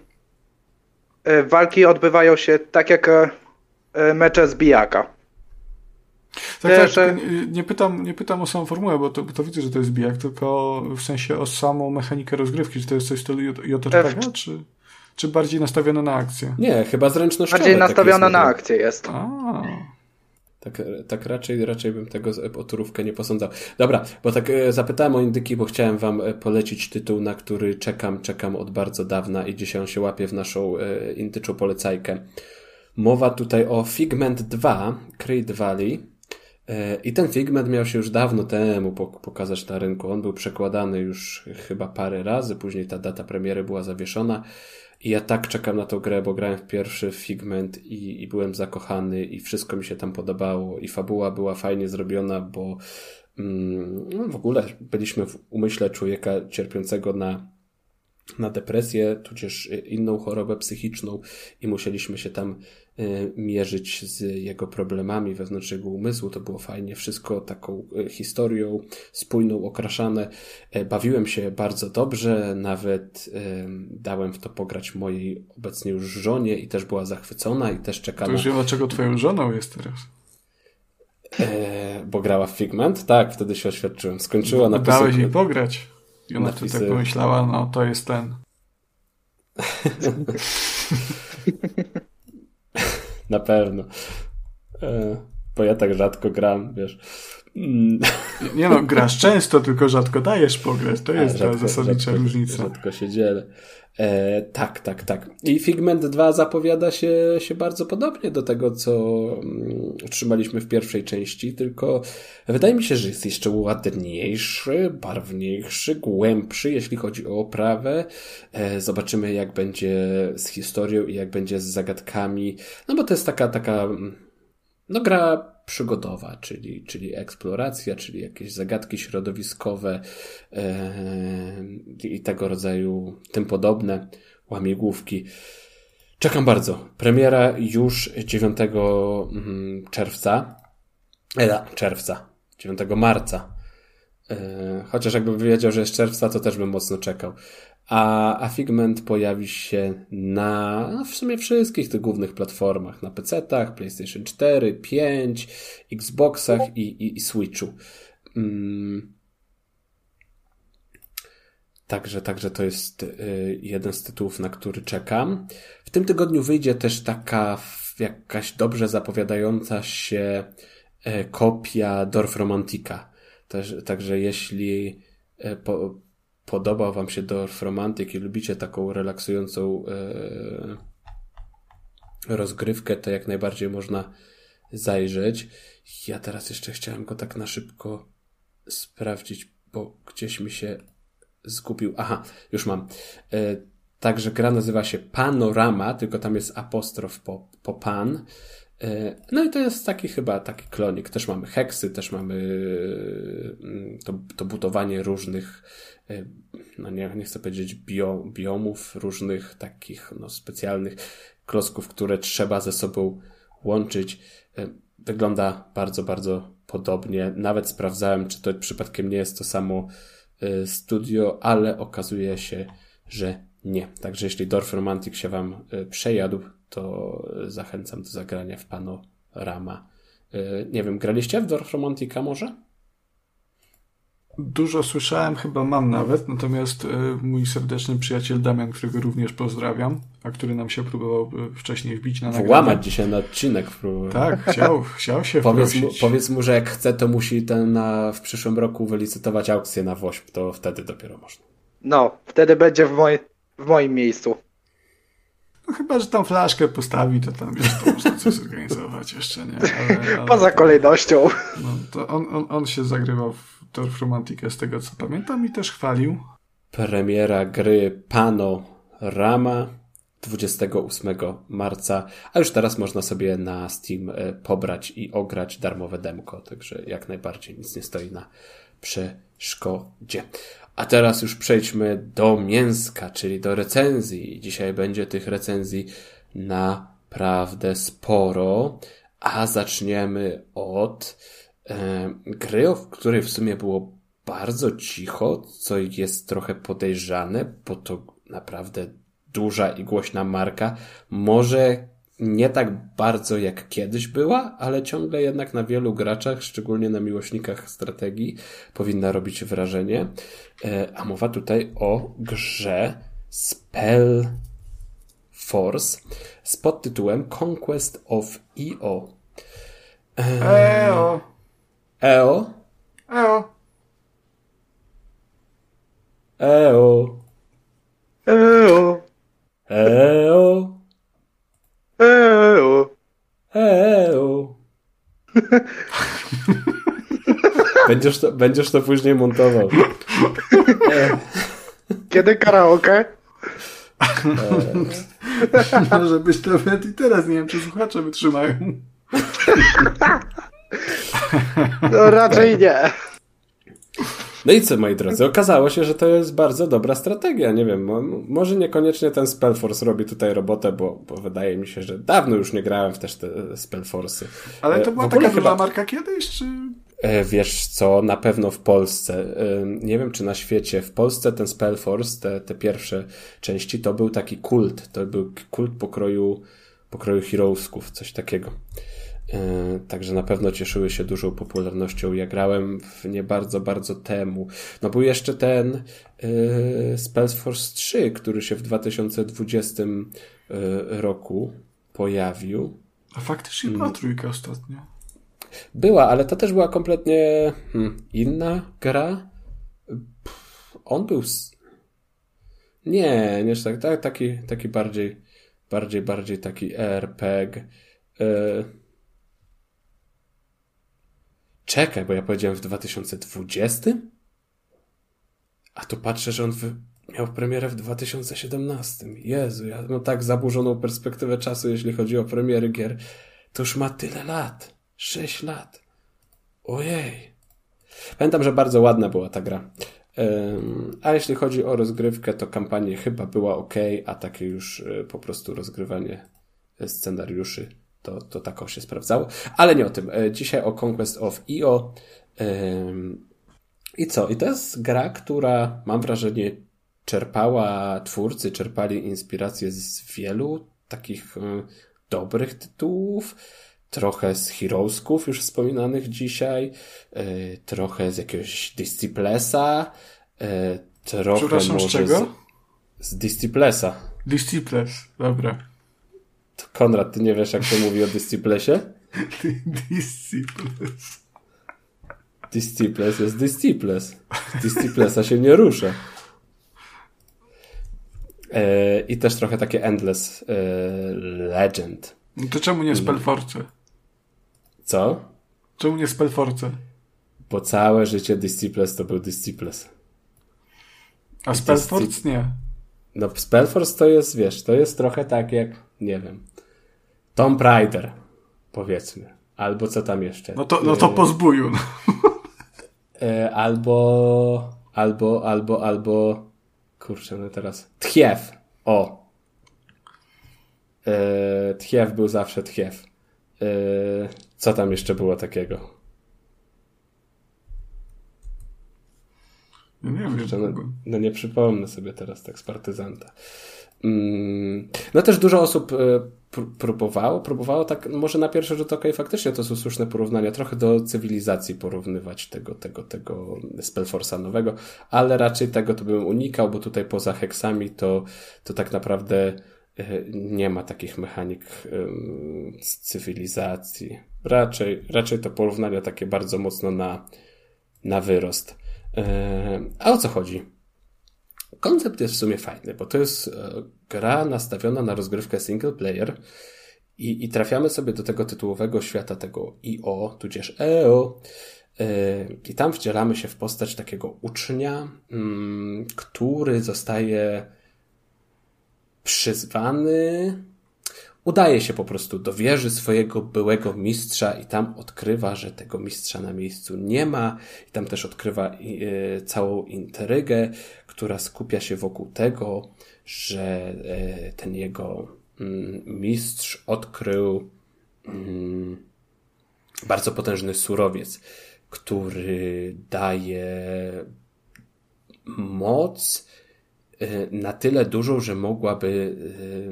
no i patrz, Zniszczyć magiczną słówko. barierę. E, nie, nie zaważyć. Kurczę, patrz, wypadło. Daje moc. Hm. Ale się zaciąłem teraz. Zakłócić. Chyba zakłócić to miałoby. Zakłócić porządek świata całego. E, dobra, nieważne. Zachwiać. Daje moc. Zachwiać. Zaburzyć. O, tego, tego, tego, tego słówka tak, po, po, porządkiem świata. E, mm, no i nad tą krainą, jak też nad innymi krainami, władzę taką nieformalną sprawują magowie z kręgu. To są bardzo po, potężne osobowości. E, no i dochodzą do wniosku, że ten właśnie czarodziej jest mm, jest zbyt dużym zagrożeniem dla nich. Eee, I postanawiają się go pozbyć. My to odkrywamy i staramy się zrobić wszystko, żeby mm, posiąść tę moc, w jakiś tam sposób uhonorować tego naszego mistrza, a finalnie też być na tyle potężnym, by móc dołączyć do tego słynnego kręgu. Eee, A żeby to zrobić, musimy udowodnić, jaką mamy siłę, musimy pokonać wszystkich. Mm, konkurentów o ten tytuł i, i właśnie wokół tego kręci się cała gra. Oczywiście y, tam w międzyczasie dzieje się dużo różnych mniejszych rzeczy, które gdzieś tam odkrywamy, Em, a dzieje się to w taki sposób, że jesteśmy wrzuceni na bardzo, bardzo dużą mapę. To, gdzie się na niej pojawimy, e, jest podyktowane tym, mm, jaki region wybierzemy, jakie ustawienia startowe wybierzemy. Od razu tutaj mówię, że na początek zalecam y, sobie ustawić coś, coś prostego, coś łatwego, bo naprawdę ta gra potrafi być wymagająca miejscami, więc y, lepiej nauczyć się jej na mm, sucho, powiedzmy, na bardzo y, takich przyjaznych ustawieniach. Więc y, więc tak, nie jest to, nie jest to żaden wstyd zacząć na, na, na, na niskim poziomie trudności. Ja też musiałem, no szybko dość dostałem po łbie i musiałem powtarzać od nowa, bo samouczek jest średnio wykonany, yy, bardzo chaotyczny, tam jest też dużo mechanik do nauczenia się i, i zanim to wszystko opanujemy, to dostaniemy kilka razy po głowie, mm, a też, To ja mam pytanie tutaj. no proszę. Czy w jakiejkolwiek strategii albo takiej grze taktycznej samouczek był dobrze wykonany? Ojej, W sensie, bo ja, ja mam ciężkie. wrażenie, że jaki bym nie odpalił, włączam sobie samouczek i czuję się tak bardzo przytłoczony tym wszystkim, że ja potem i tak nic nie pamiętam. Najgorzej O chyba kurczę. było w Age of Empires, e, który tam ma samouczek na pięć takich dość dłuższych y, scenariuszy, Kurde, czy nawet nie więcej. wiem jak to jest. Mm. Nie, nie wiem, co ci, co ci mogę p- powiedzieć. E, Wiesz co, może tu trochę nie chodzi o to, że ten mm, samouczek też był e, nie tyle, że nie wyjaśniał, co nie wyjaśniał wszystkiego i po prostu części rzeczy musieliśmy się nauczyć w trakcie rozgrywki w taki bardzo empiryczny sposób, że po prostu na własnych, na własnych błędach. em, Ale to ci nie mamy- pokazuje później, na przykład w trakcie rozgrywki, jakieś dodatkowe mechaniki cię Tak, uczy? tak, pojawiają się takie okienka, ale to też. e, Wiesz, no, No, tak dopóki nie lepiej mi się poznasz. wydaje. Jeszcze raz, poproszę. No, tak mi się wydaje, że tak jest lepiej. Eee, tak i, i nie, bo to koniec końców jest tylko fragment tekstu, także naprawdę nie wiesz, jak to się zachowa w praktyce i dopóki czegoś nie zrobisz albo nie odkryjesz potencjału danej mechaniki zupełnie, no to nie będziesz wiedział, jak, jak to działa. Eee, I to właśnie też się dzieje w Spellforce. E, że te pierwsze kilka godzin to jest takie trochę granie po omacku, że nie wiesz, nie wiesz co robisz, klikasz, nie znasz wszystkich mechanik, niby masz jakieś zaklęcia, ale po co te zaklęcia, co one robią, e, tutaj jakieś tworzenie przedmiotów, czy w ogóle rekrutowanie jednostek. Ba bardzo tego dużo jest i zostało to podane w bardzo chaotyczny sposób i można się na początku pogubić, Mm, a do tego gra jest, e, tak jak już wspominałem, wymagająca, więc e, trochę nie wiesz, czy mm, te twoje pierwsze porażki będą wynikać z tego, że nie ogarniasz, czy po prostu nie wiesz, jak ogarniać, nie wiesz, na co sobie możesz pozwolić i nie wiesz, jak dobrze podejść do, do danej rzeczy. E, I tutaj po prostu potrzeba doświadczenia. A znowu pod koniec swojej kampanii zrobiło się dla mnie już za prosto. Więc tutaj też jest taki, wiesz, wiesz może podejrzewam, że teraz, jakbym drugi raz podchodził do tej kampanii, taka jedna kampania to jest 20 godzin średnio, to bym grał zupełnie inaczej niż, niż grałem na początku. Yy, I też bym sobie już mógł pozwolić na, na, na trochę więcej. Mm, ale jednak powtarzać daną kampanię 20 godzin, yy, nawet jeżeli tam będą jakieś zmienne, no bo ten świat jest na tyle duży i do tego jeszcze dochodzą e, generowane losowo eventy i przeciwnicy też oczywiście się mogą inaczej zachowywać, ale to jednak jest ten sam trzon e, rozgrywki, taki sam e, model zabawy, tutaj się nie za dużo zmierza, zmienia, czyli koniec końców mamy te pojedynki turowe, których jest bardzo dużo. Yy, I, na drugą kampanię bym się, bym się nie zdecydował, czyli moja rada, taka najlepsza, takie, takie tak w idealnym świecie powinno się zrobić, że po prostu pograć sobie kilka godzin na łatwym poziomie trudności, a potem zacząć jeszcze raz już z tą wiedzą, którą mamy i wtedy cieszyć się w pełni, w pełni tą, tą kampanią. To nie wiem, czy by mnie to cieszyło, tak szczerze mówiąc. E, no widzisz, dlatego e, to zaznaczam jako w sumie minus, no. Bo wiesz, bo to też ma być tak, że jak ci się w połowie kampanii zrobi za, za łatwo, za prosto i będziesz przez, e, nie wiem, 7 godzin nie miał takiej fajnej adrenaliny z tego, wynikającej z tego przyzwoitego poziomu trudności, to też ci nie będzie fajnie. Nie można tam zmienić poziomu trudności w trakcie. Właśnie w trakcie, w trakcie nie da się i to już jest zaznaczone podczas wyboru, yy, wyboru poziomu. Wydaje mi się, że w obecnych czasach możliwość zmiany poziomu trudności w trakcie rozgrywki na bieżąco powinna być czymś no, no standardem już tak naprawdę. Zgadzam się. Jak najbardziej się zgadzam. I teraz tak, dobra, jeśli chodzi o tego Spellforce'a, to ja bym nie chciał tutaj opisywać tych wszystkich mechanik i wszystkich możliwości, wszystkiego, co tam możemy robić, bo tego jest naprawdę dużo i to nie ma sensu, bo i tak y, nikt tego nie zapamięta i nikt się na tym nie skupi i, i nikt nie będzie wiedział, o co w tym wszystkim tak do końca y, chodzi. Dlatego tak, zróbmy to tak bardzo, bardzo punktowo. Mamy turowe walki, które są podobne do tego, co znamy z Heroesków w sumie. E, czyli dwie armie stają naprzeciwko siebie i tam się po prostu tłuką. E, musimy wykorzystywać przewagę terenową, musimy wykorzystywać umiejętności naszych jednostek, e, musimy wykorzystywać zdolności specjalne naszego bohatera, czy przedmioty jednorazowe. Te walki są spoko, one sprawiają fan, jest tam miejsce na jakąś taktykę i, i mm, zaangażowanie się w te pojedynki. No ale też 20-godzinna kampania tych walk toczymy czasami nawet na jedną turę, ich będzie kilka, także może się zrobić tego za dużo, a też kurczę, twórcy skopali mm, ten system automatycznego rozwiązywania walk. Także nie możemy tak na nim w pełni polegać, bo nawet jak wiesz, chcemy skorzystać z tej szybkiej opcji yy, wygrania, skończenia pojedynku, to nawet jeśli wygramy, możemy stracić jednostkę. A jednostki w tej grze są w sumie cenne, bo też zdobywają doświadczenie, też awansują na kolejne poziomy, odblokowują nowe umiejętności, mają swój oddzielny ekwipunek, także nawet takiej przeciętnej jednostki czasem jest nam po prostu szkoda.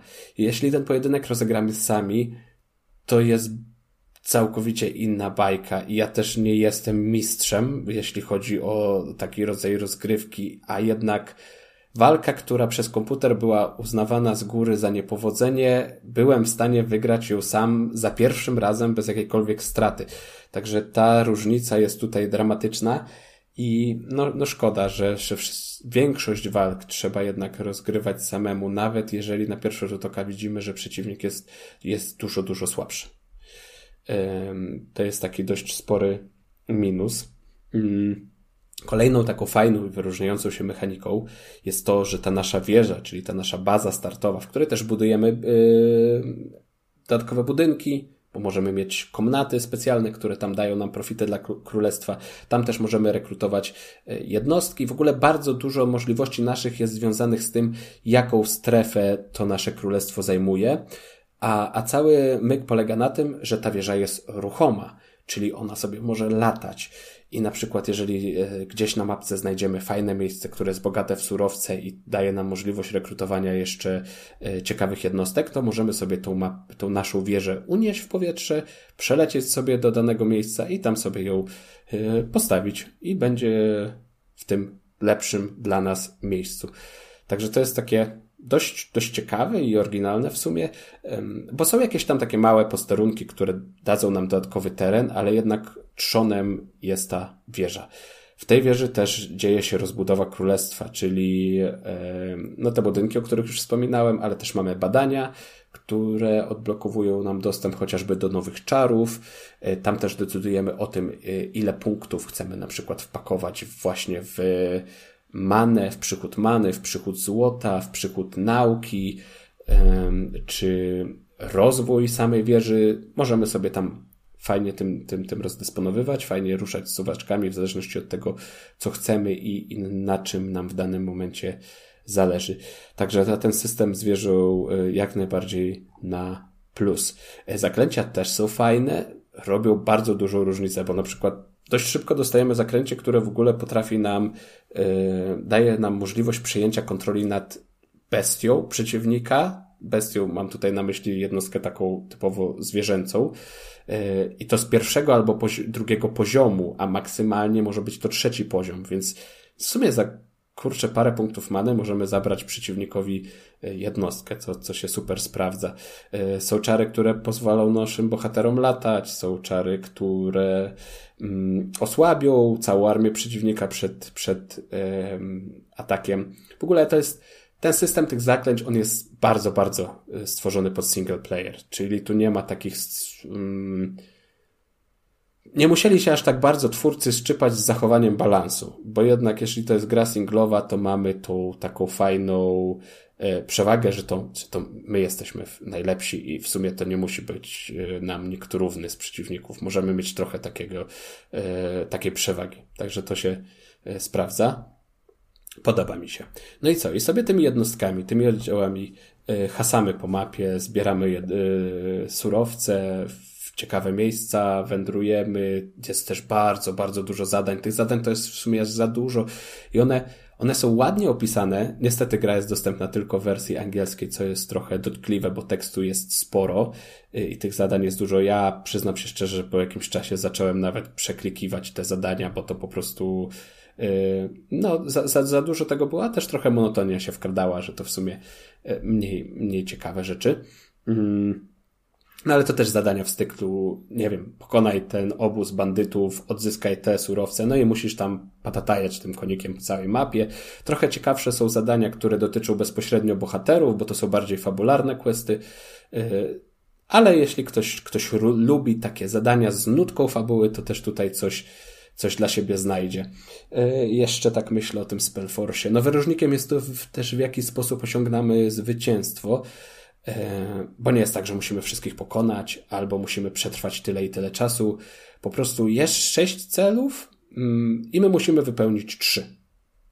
Czyli na przykład może to być e, opracowanie wszystkich technologii, może to być e, zdobycie czterech przyjaznych miast, to też w ogóle ta, ta dyplomacja jest bardzo prosta, bo wystarczy tam wypełniać zadania, czy niszczyć obozy bandytów, które są dookoła, czy użyć zaklęcia, które poprawia reputację w danym królestwie i dzięki temu dostajemy dostęp do, do nowych schematów czy nowych jednostek.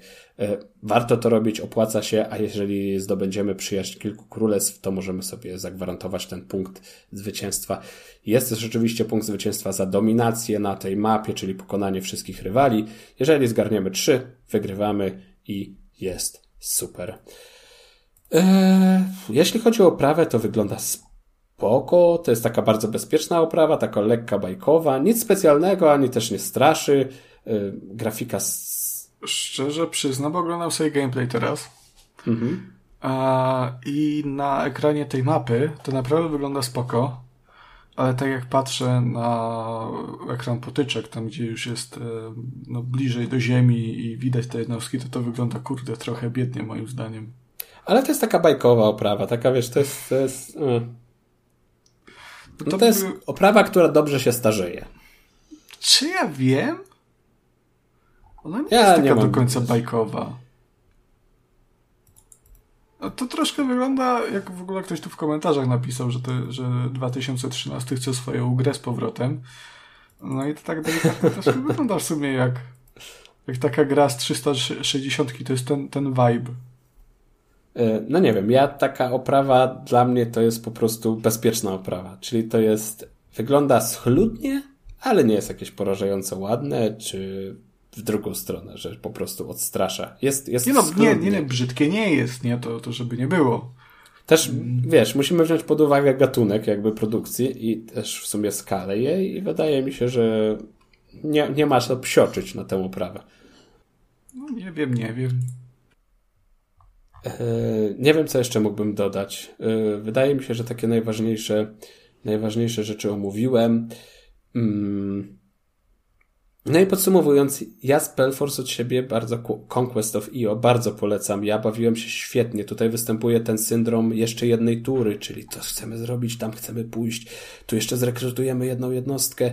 E, w ogóle też gra trochę różni się w zależności od tego, jaką postać wybierzemy, bo one mają swoje takie inne, inne specjalne zdolności, także to też robi trochę robotę. Jak się wkręci człowiek w tę grę, to będzie miał zabawy na, na, na, na dziesiątki godzin, a myślę, że wkręcić się jest łatwo, szczególnie jeśli lubimy e, strategię. Kuba, no, no co ja cię będę oszukiwał?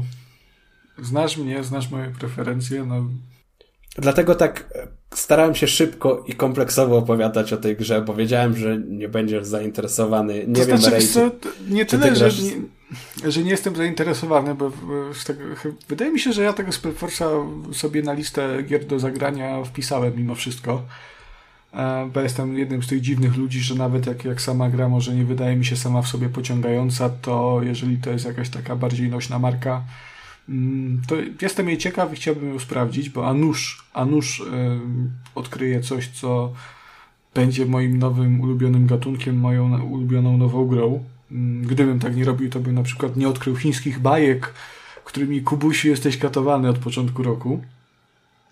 I z, i z dobrych źródeł wiem, że w tym odcinku Ale się wiesz, to nie zmieni. Ze strategii jest dużo, dużo tak. ciężej się nabijać niż yy, z chińskich bajek. Z chińskich bajek jednak śmieszki, heheszki przychodzą łatwiej.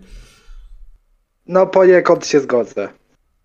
No tak, no bo są, wiesz, no coś tam się dzieje, różne wesołe rzeczy, nie? A w takiej strategii, no to, to tam plus 10 surowca se zbierzesz i o. I ile tam można. Natomiast no, no zagram w to chętnie, natomiast no, no nie wiem, ja trochę cię podziwiam, szczerze powiedziawszy, bo ty tak opisujesz zawsze te, te turóweczki e, i różne te strategie.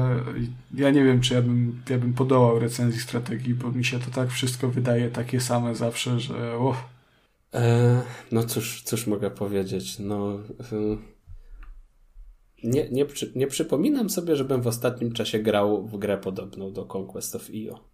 Miałeś długą przerwę od tróweczek, to, to się zgadza, bo miałeś w ogóle długą przerwę od gier. Tak, troszkę tak. Um, ale też wiesz, tur, tur, turóweczka turóweczce nierówna koniec końców, bo szczególnie teraz, gdzie gdzieś niezależni twórcy starają się kombinować z tym gatunkiem trochę i dodawać jakieś takie smaczki, inne mechaniki, czy bardziej rozbudowane mechaniki.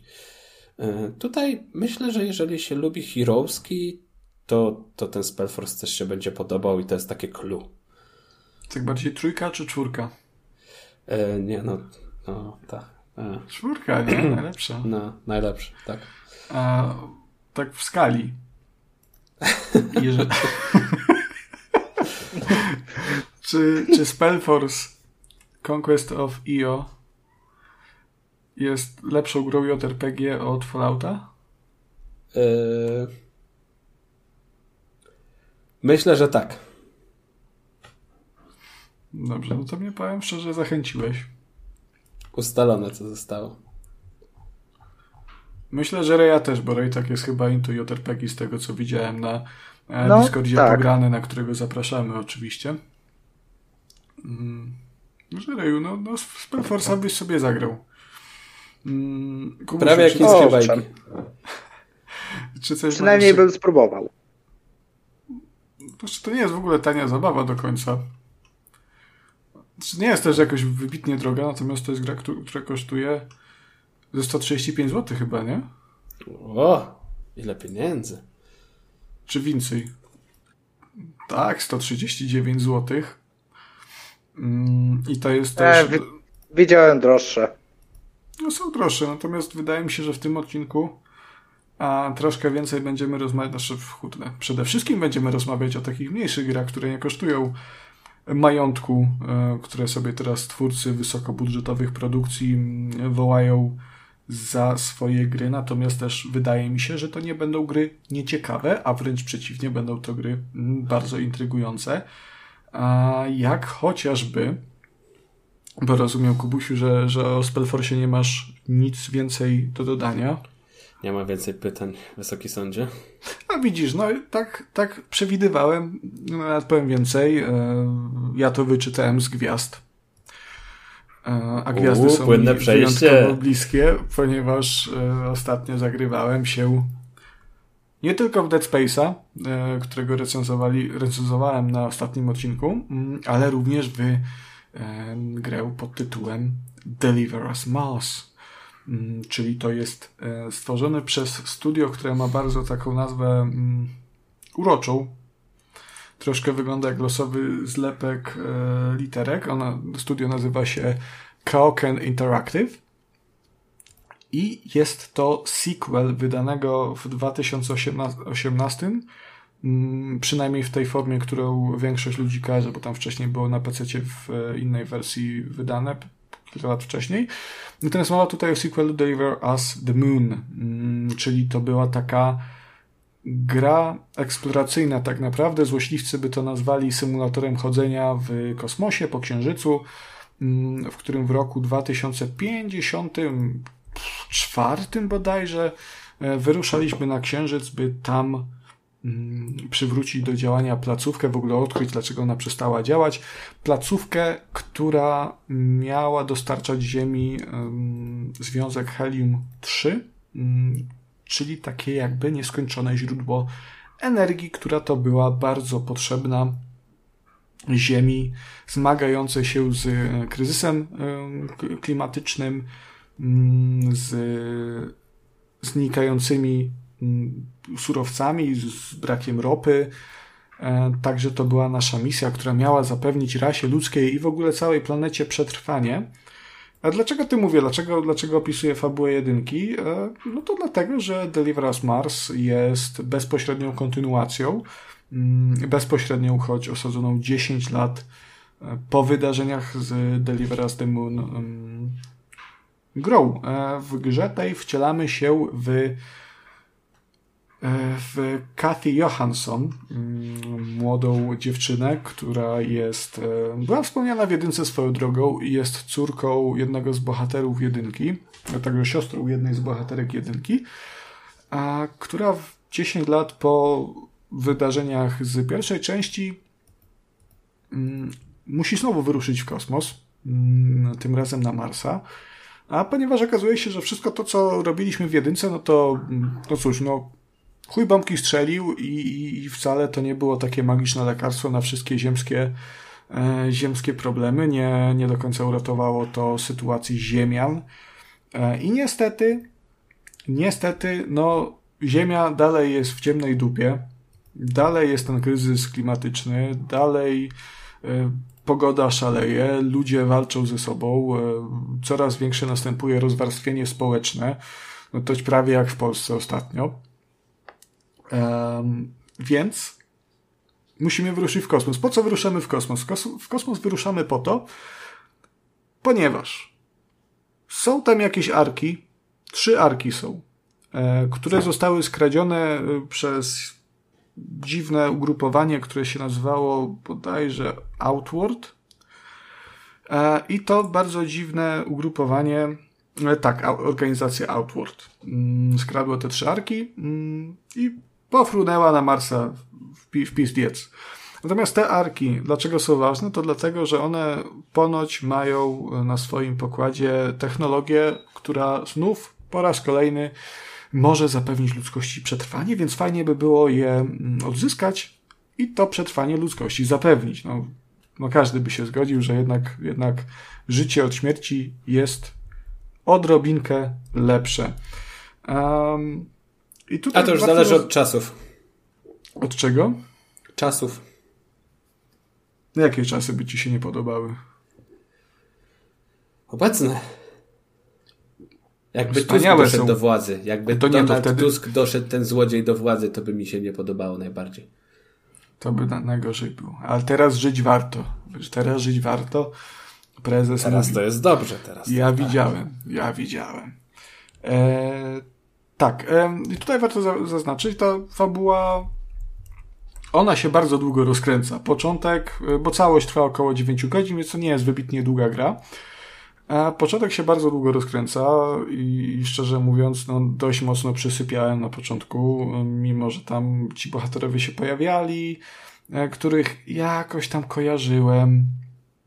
E, to, no to nie było zbyt ciekawe. To, to pierwsze 2-3 godziny to, to spokojnie trzeba, żeby, żeby na tego samego Marsa, Marsa dotrzeć, to można w zasadzie nazwać takim wstępem. Mm, Natomiast kiedy już na tego Marsa dotrzemy i kiedy ta fabuła nabierze tempa, no to się okazuje, że to jest naprawdę, naprawdę bardzo fajna historia, trzymająca w, napie- w napięciu, mm, mająca fajną tajemnicę i też poruszająca bardzo, bardzo ważne, ważne tematy, bo tam są no przede wszystkim jest, ta, y, jest ten kontrowersyjny temat e, zmiany klimatu, to jest poruszane, natomiast to jest też bardzo fajne, że to nie jest poruszane w taki em, pouczający sposób, że, że, że twórcy nie starają się em, nas pouczać, mm, że, że no trzeba teraz, te, teraz słomki y, papierowe wykorzystywać, a nie, znaczy, fu, tak? Nie, a nie plastikowe, tak?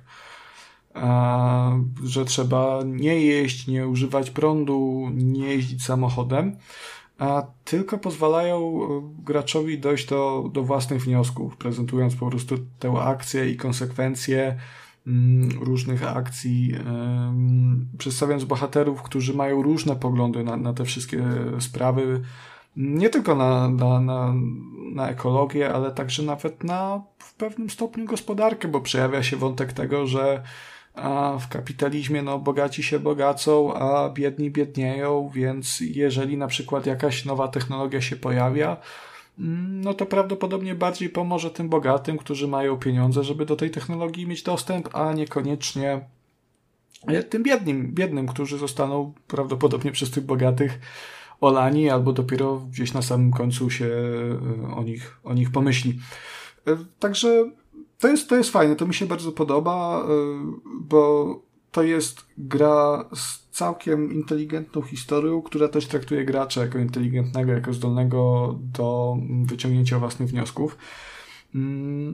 I to jest fajne, bo myślę, że jeżeli ktoś jest bardzo na nie, jeżeli chodzi o tematy ekologii, no to taka, taka gra, która by go łopatologicznie mu to próbowała do głowy wbijać, no to odniesie mm, odwrotny efekt, a osoby, które się z tym zgadzają, no to mimo wszystko no, mogą się znudzić, no bo to będzie y, to, co oni już wiedzą i to, co oni sami uważają.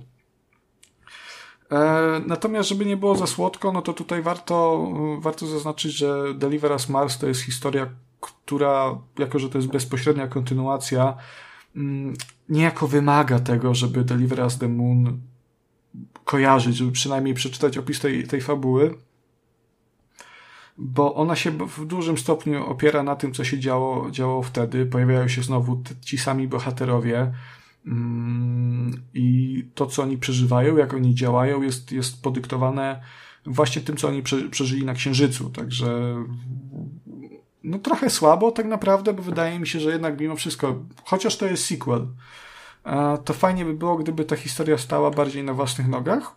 I żeby nie, bo jeżeli nie znacie Deliver Us the Moon, nic się niby nie stanie, zrozumiecie tę historię, może wam się podobać, ale będzie wiele takich białych plam e, w scenariuszu, których możecie nie kojarzyć. Także fajnie by było się z tamtą grą zapoznać. Ona jest bardzo dobra. Um, wydaje mi się, że też nie jest teraz droga. Jest krótka, to jest jakieś chyba nie wiem, 5-6 godzin, także, także spokojnie to można pyknąć w dwa wieczory.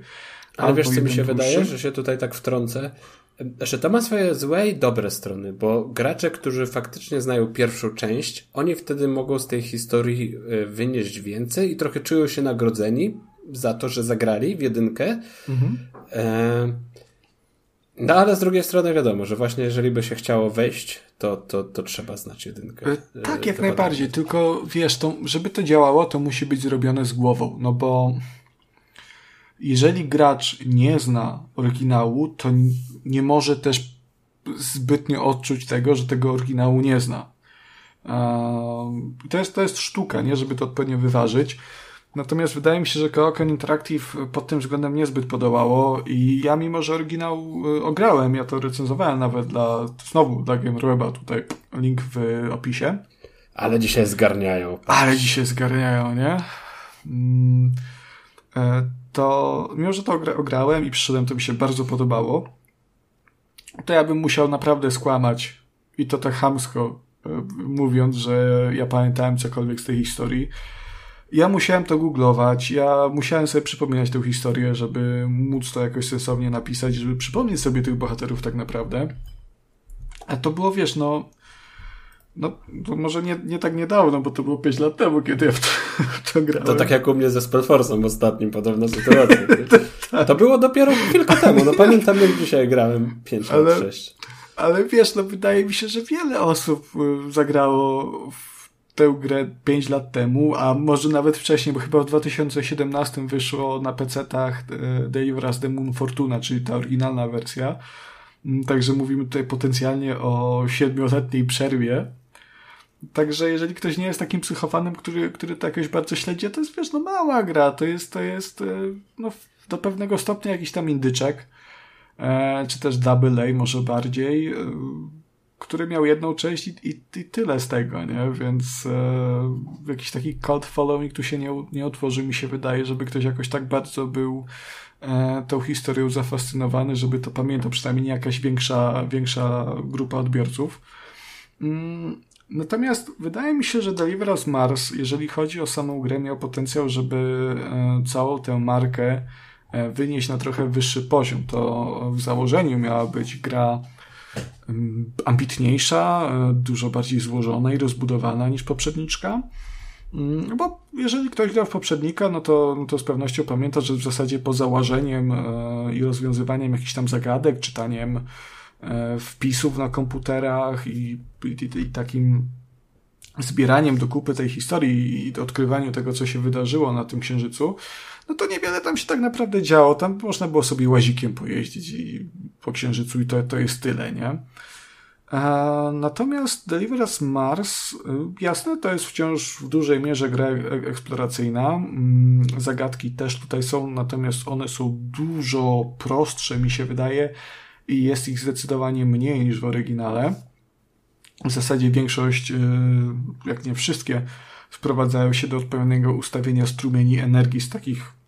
To wygląda jak takie CKM-y, tak naprawdę, e, które kierujemy w odpowiednim kierunku i one coś tam nam uruchamiają, pozwalają nam przejść dalej. Druga, druga część zagadek to jest w zasadzie mm, przecięcie w konkretny sposób konkretnych e, przedmiotów, żeby sobie utorować drogę. To też no średnio to można zagadką nazwać środowiskową, natomiast niektóre te cięcia są bardziej złożone, więc powin, powiedzmy, że sobie to po, podciągniemy. Mm, także wydaje mi się, że też odbiorcy, fani oryginału mogą być troszkę zawiedzeni tym, tym faktem, e, bo Deliver Us Mars jest dużo bardziej stawia jednak na, na akcję i, i to mnie zaskoczyło bo takich sekcji w oryginale w ogóle nie było. Natomiast tutaj e, nie dość, że są sekcje, gdzie trzeba e, no, biegać, coś szybko robić, przeskakiwać w ogóle niczym, niczym troszkę w Assassin's Creedzie, a nawet, nawet powiedzmy na czas, bo trzeba wymierzyć te skoki, mm, to jeszcze prowadzono tutaj w ogóle, słuchaj, e, czekany. I to niczym w Tomb Raiderze, w tych nowych Tomb Raiderach można się wspinać po ścianach. Oczywiście nie jest to Zelda Breath of the Wild, tylko to jest, e, to jest takie wspinanie się po wyznaczonych ścianach. Te ściany są oczywiście odpowiednio oznaczone, wyglądają inaczej od innych, także wiemy, że tam możemy się wspiąć. Mm, Czyli tak no bardzo takie... liniowo. Liniowo, tak, bardzo liniowo i, i też nie jest to jakoś wykonane wspaniale. Od jest, bo jest, nie sprawia dużo satysfakcji, ale też nie boli. Mm, także to, to jest ciekawe w ogóle, że, że, że, że ten aspekt zręcznościowy tutaj jest, jest e, dużo bardziej uwypuklony. Nie ma walki e, znowu, to warto też nadmienić, że to nie jest gra e, mimo, że to jest science fiction, to to nie jest science fiction, w którym mm, różniemy obcych w ten czy inny sposób. Tutaj obcych w ogóle nie ma. Jesteśmy tylko my, nasza załoga mm, oraz przestrzeń, prawda? Jeżeli tam jest jakiś element horroru, no to, no to mm, bardzo lekkiego i to, i to jest raczej e, związane z fabułą i tym, co się stało z ludzkością i z tym, co się może stać z Ziemią. Natomiast takiego bezpośredniego zagrożenia tutaj w ogóle nie ma, mm, także, także jeżeli się boicie grać w straszne gry, to tutaj nie ma się czego bać. E, I najgorsze, co jest w tej grze, bo już tam to, że, że, że ona poszła e, pod względem rozgrywki w nieco innym, innym kierunku.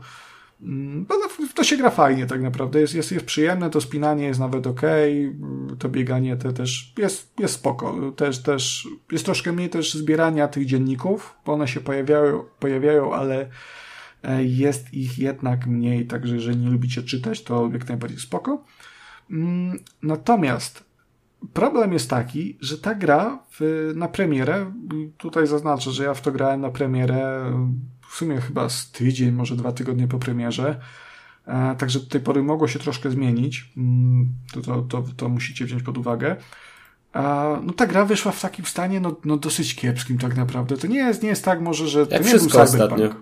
Jak co? No jak wszystko. Jak no, wszystko w ogóle jest taki, taki, taki dziwny taki okres, okres no że to Forspoken, Wild Hearts, nie, na PC, Callisto Protocol, mm, Dead Space nawet przecież miał problemy z tymi, z tymi cieniami i teksturami. No i, no i Deliver Us Mars nie jest wyjątkiem. O, i że się naprzeklinał tak na stan techniczny tej gry. E, przede wszystkim ta gra jest brzydka i, i, i tego się nie zauważy na początku, bo tam te widoczki są piękne. To jak tam na Marsie jest, jest ładna pustynia, na Marsie to jest super, e, w kosmosie mega, widoki są ekstra, krajobrazy, tu jest cycuś, elegancko polecam. Natomiast jak już zejdziemy niżej i popatrzymy po na przykład lokacjach, to one są przyzwoite, ok, ale jak spojrzymy na bohaterów, to ja cię pierdolę. Ja mam wrażenie, że odpo osoba odpowiedzialna za modelowanie tych postaci w życiu nie widziała drugiego człowieka na oczy. Ale I... wiesz co, ja to od początku twojej recenzji chciałem cię właśnie o to zapytać, że to gryzie mi się ta gra krajobrazy z modelami postaci. Cieszę Kurwa, się, że te to modele są straszne, po prostu. E, bo nawet na trailerach one słabo wyglądały. Mm, ja, najlepsze jest to, że wiesz, że w jedynce w ogóle tych innych postaci nie było takich, które by obok ciebie biegały, a jak już były, to miały cały czas ten skafander na sobie, że nie było widać tych twarzy i to wyglądało ok. to jest zawsze taki sprytny sposób na ogranie jakby modelowania twarzy i, i ruchu, animacji twarzy, także... Tak, natomiast tutaj z tego zrezygnowano, chcieli być bardziej, bardziej ambitni, lepiej to zrobić, ok, spoko, chwalę. Natomiast yy, ja nie wiem, co tam się stało. Na przykład włosy wyglądają absolutnie paskudnie. te włosy to są naprawdę, to jest taka era 360 bardzo, bardzo mocna i tu też warto zaznaczyć, to jest gra za 135 zł mniejszego studia, więc ja tu nie wymagam poziomu Horizona nowego, nie? Żeby brodę bohaterka miała, czy coś. Tak, no nie ma tu brody właśnie.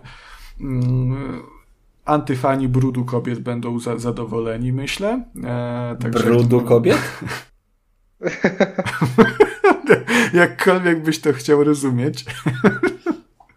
Brudu e... kobiet. No dobrze. Natomiast te włosy wyglądały jakby były w ogóle oderwane od tych postaci. One, one mają chyba własne cieniowanie. W ogóle własne życie?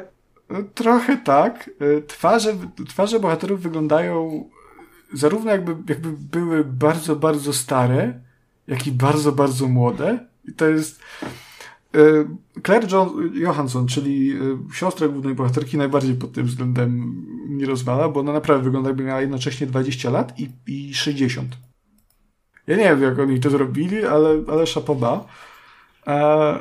Uraczy, uraczy był moment, kiedy kapnąłem się, bo tam są takie sekwencje retrospekcyjne, e, w których kierujemy młodą Kathy i bardzo mi się podobało to, że młoda Kathy wygląda w zasadzie tak, jakby wzięli tą dorosłą wersję i ją po prostu pomniejszyli.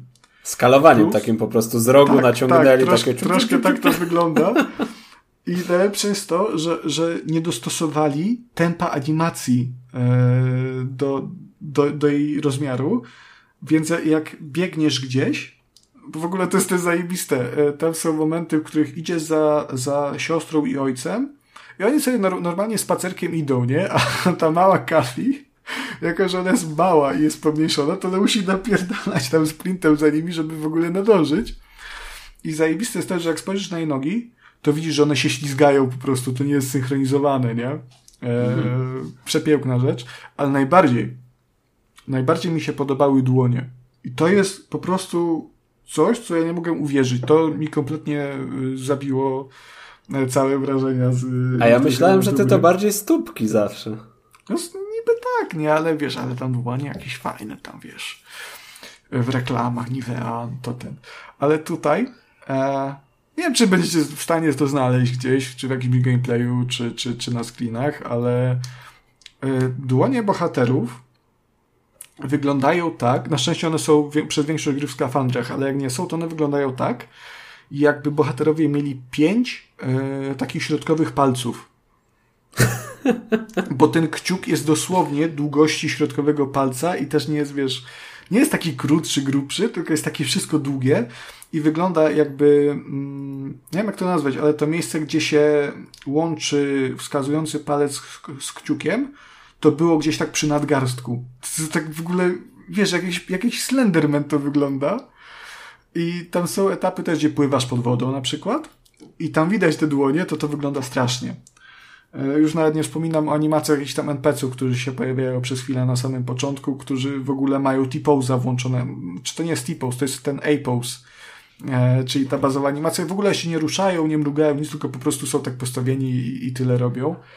A na całe szczęście, no mówię, z tymi bohaterami e, takim bez kafandra nie spędzamy zbyt wiele czasu, więc tego aż tak nie widać. Mm, Czyli takie Sama... pyk, pyk, pyk jako tako i Firend. E, troszkę tak, nie? Więc, więc e, to aż tak też narzekał, ale tak strasznie mi się to rzuciło w oczy. Mm, ale mówię, tego aż tak, tak bardzo nie widać. Potem yy, nie, niezbyt często się to pojawia, ale jak już się pojawia, no to wybija trochę z tego, bo masz takiego ząka strasznego. Mm, natomiast, żeby nie było, no sama gra. Yy, aha, je, Boże, jeszcze jedno. Yy, dwie rzeczy, jeżeli chodzi o technikalia, bo się skupiłem na tych modelach. Sama gra, grałem na Xboxie Series X. gra działa bardzo dobrze, działa w 60 klatkach, jest, jest naprawdę wpyte.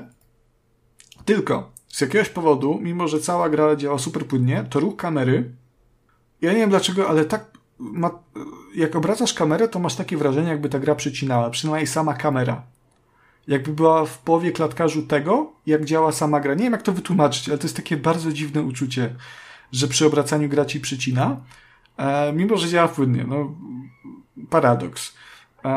Jest też trochę błędów, nie ma ich bardzo dużo, ale był jeden, na którym spędziłem chyba pół godziny, bo bohaterka nie chciała mi wyjść e, na platformę, na którą ona powinna wyjść. No za mąż też nie chciała.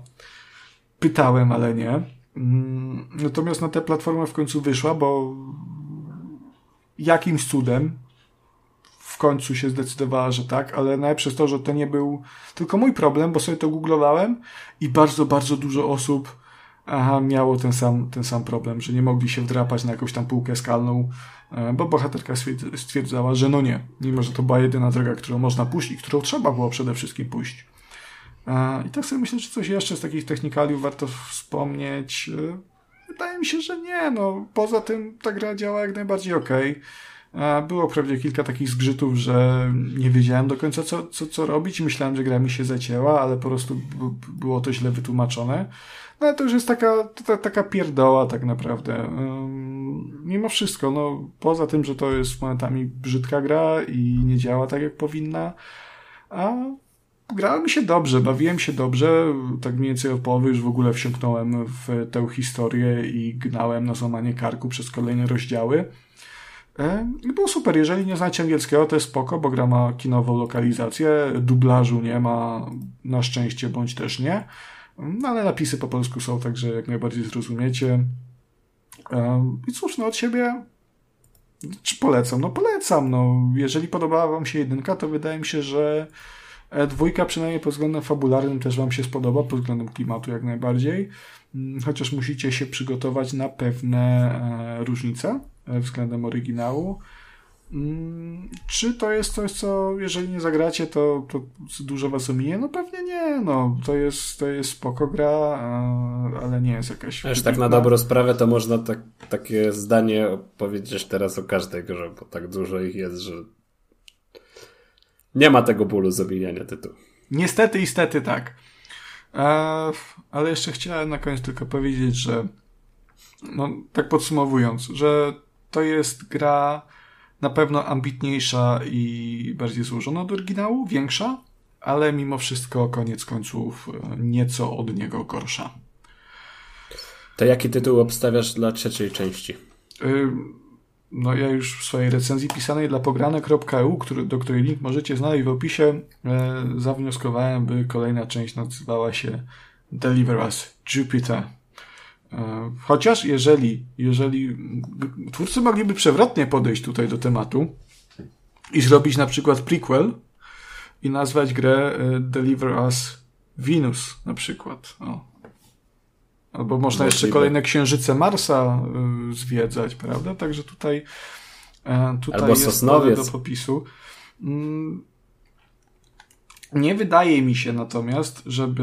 E, wyda, znaczy, wydaje mi się, że, że te gry jakakolwiek by nie była potem z tej serii, jeżeli one będą, to że to będą takie znowu czyste sci-fi e, w stylu 2001 Odyseja Kosmiczna, czyli takie bez potworów, bez jakiegoś horroru, po prostu no, ta nauka i fikcja naukowa. E, także, jeżeli chcecie sobie zagrać coś z potworami, żeby się bać, żeby, żeby może, nie wiem, jakoś uciekać gdzieś, coś, żeby się działo krwiście, a to wydaje mi się, że powinniście sięgnąć bardziej po taką grę, która nazywa się The Beast Inside, mm, w którą grał Ray i e, klucz, do której za co serdecznie dziękujemy, mm, zasponsorowało nam e, Better Gaming Agency. A, dziękujemy za to bardzo. Dobrze, więc The Beast Inside to gra autorstwa polskiego studia Illusion Ray, które e, wbrew tego, co sugeruje nazwa, nie ma ze mną nic wspólnego. Oprócz tego, że grałem w ich grę, ale poza tym to nic. Została wydana w 2019 roku i jest grą z gatunku e, przygodówki horror. E, osadzona jest. Znaczy tak. Gra ogółem ma dwóch grywalnych postaci. I gra rozgrywa się na przestrzeni dwóch e, e, przestrzeni czasowych. Przede wszystkim pierwszy rozdział zaczyna się od, od e, przedstawienia postaci Adama Stevensona, kryptoanalityka CIA. I jego rozdziały są osadzone w okresie zimnej wojny w 1979. Także mamy klimaty zimnej wojny i Adam razem z jego żoną Emmą przeprowadzili się na prowincję poza taką, miastem. Taką głęboką prowincję, to, to do lasu tam wjechali w ogóle. Tak, do lasu, do lasu ich wywiodło. Prezent od rodziny. To za taki prezent dziękuję. To, to chyba był jakiś spadek nawet po, po ojcu. No. Do którego oni się wprowadzają na początku. Tak. Tu nie, nie wiem, czy oni, oni zaczynali małżeństwo tak naprawdę, czy Mm, oni już byli małżeństwem dłużej, w każdym razie dostali ten dom, i do którego się prowadzą. Byli małżeństwem dłużej, bo e, gdy zaczyna się gra, to dowiadujemy się nawet, że żona Adama, Emma, jest ciężarna, więc byli małżeństwem przez dłuższy czas. A to, to, tak, to też nie, to tak nie działa. nie, nie, nie te czasy, to wiesz, to tam wtedy była w Stanach rewolucja e, seksualna 10 lat wcześniej, to już w latach 70, 70 to już takie cimci-rimci wszyscy, wszyscy no, taka 70 marihuanem. E, tak, ale to jest w ogóle bardzo, bardzo ciekawy ten klimat, e, osadzenie tej gry w latach 70. i też, jak, jak mówisz, na kilkanaście czy tam kilkadziesiąt lat wcześniej. Mm, tak. Wydaje mi się, że, że, że warto to, to, na razie skupić się na tej, na tej głównej linii fabularnej, nie? Czyli, yy, czyli właśnie tym, że główny bohater wraz z żoną yy, trafiają do tego przybytku, yy, do tego domu. To jest taka, taka duża całkiem willa, nie? Bo tam jest... Taka hacienda. No taka trochę hacienda. Masz, masz porcza stary, e, tak. od cholery pokoju. Nawet wszystko altankę jest... znalazłem w pobliżu. Jest altanka, szopa jest, panie. Czego tam nie ma. Full wypas. No pokojów od cholery. Mm, no i główny bohater, bo to oczywiście trzeba odremontować, tam nikt da, dawno nie żył, to jest tak naprawdę rudera. Kot mi miałczy. Prawda. I wjeżdża House Sleeper wtedy.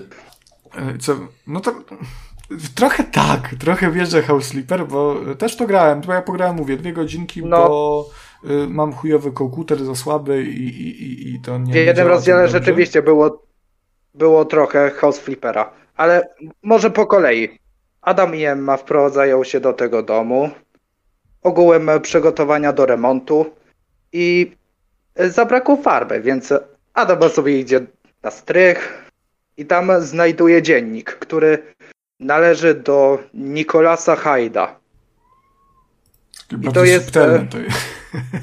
Tak, bardzo subtelne.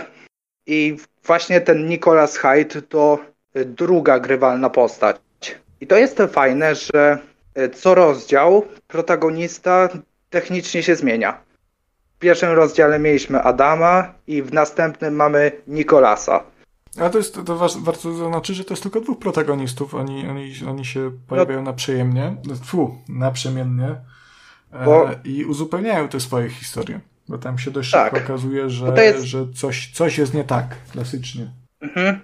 E, w, wypad w przypadku tej gry jest tak, że o ile rozdziały Adama dzieją się w okresie zimnej wojny, tak rozdziały Nikolasa dzieją się o wiele wcześniej, epoce wiktoriańskiej.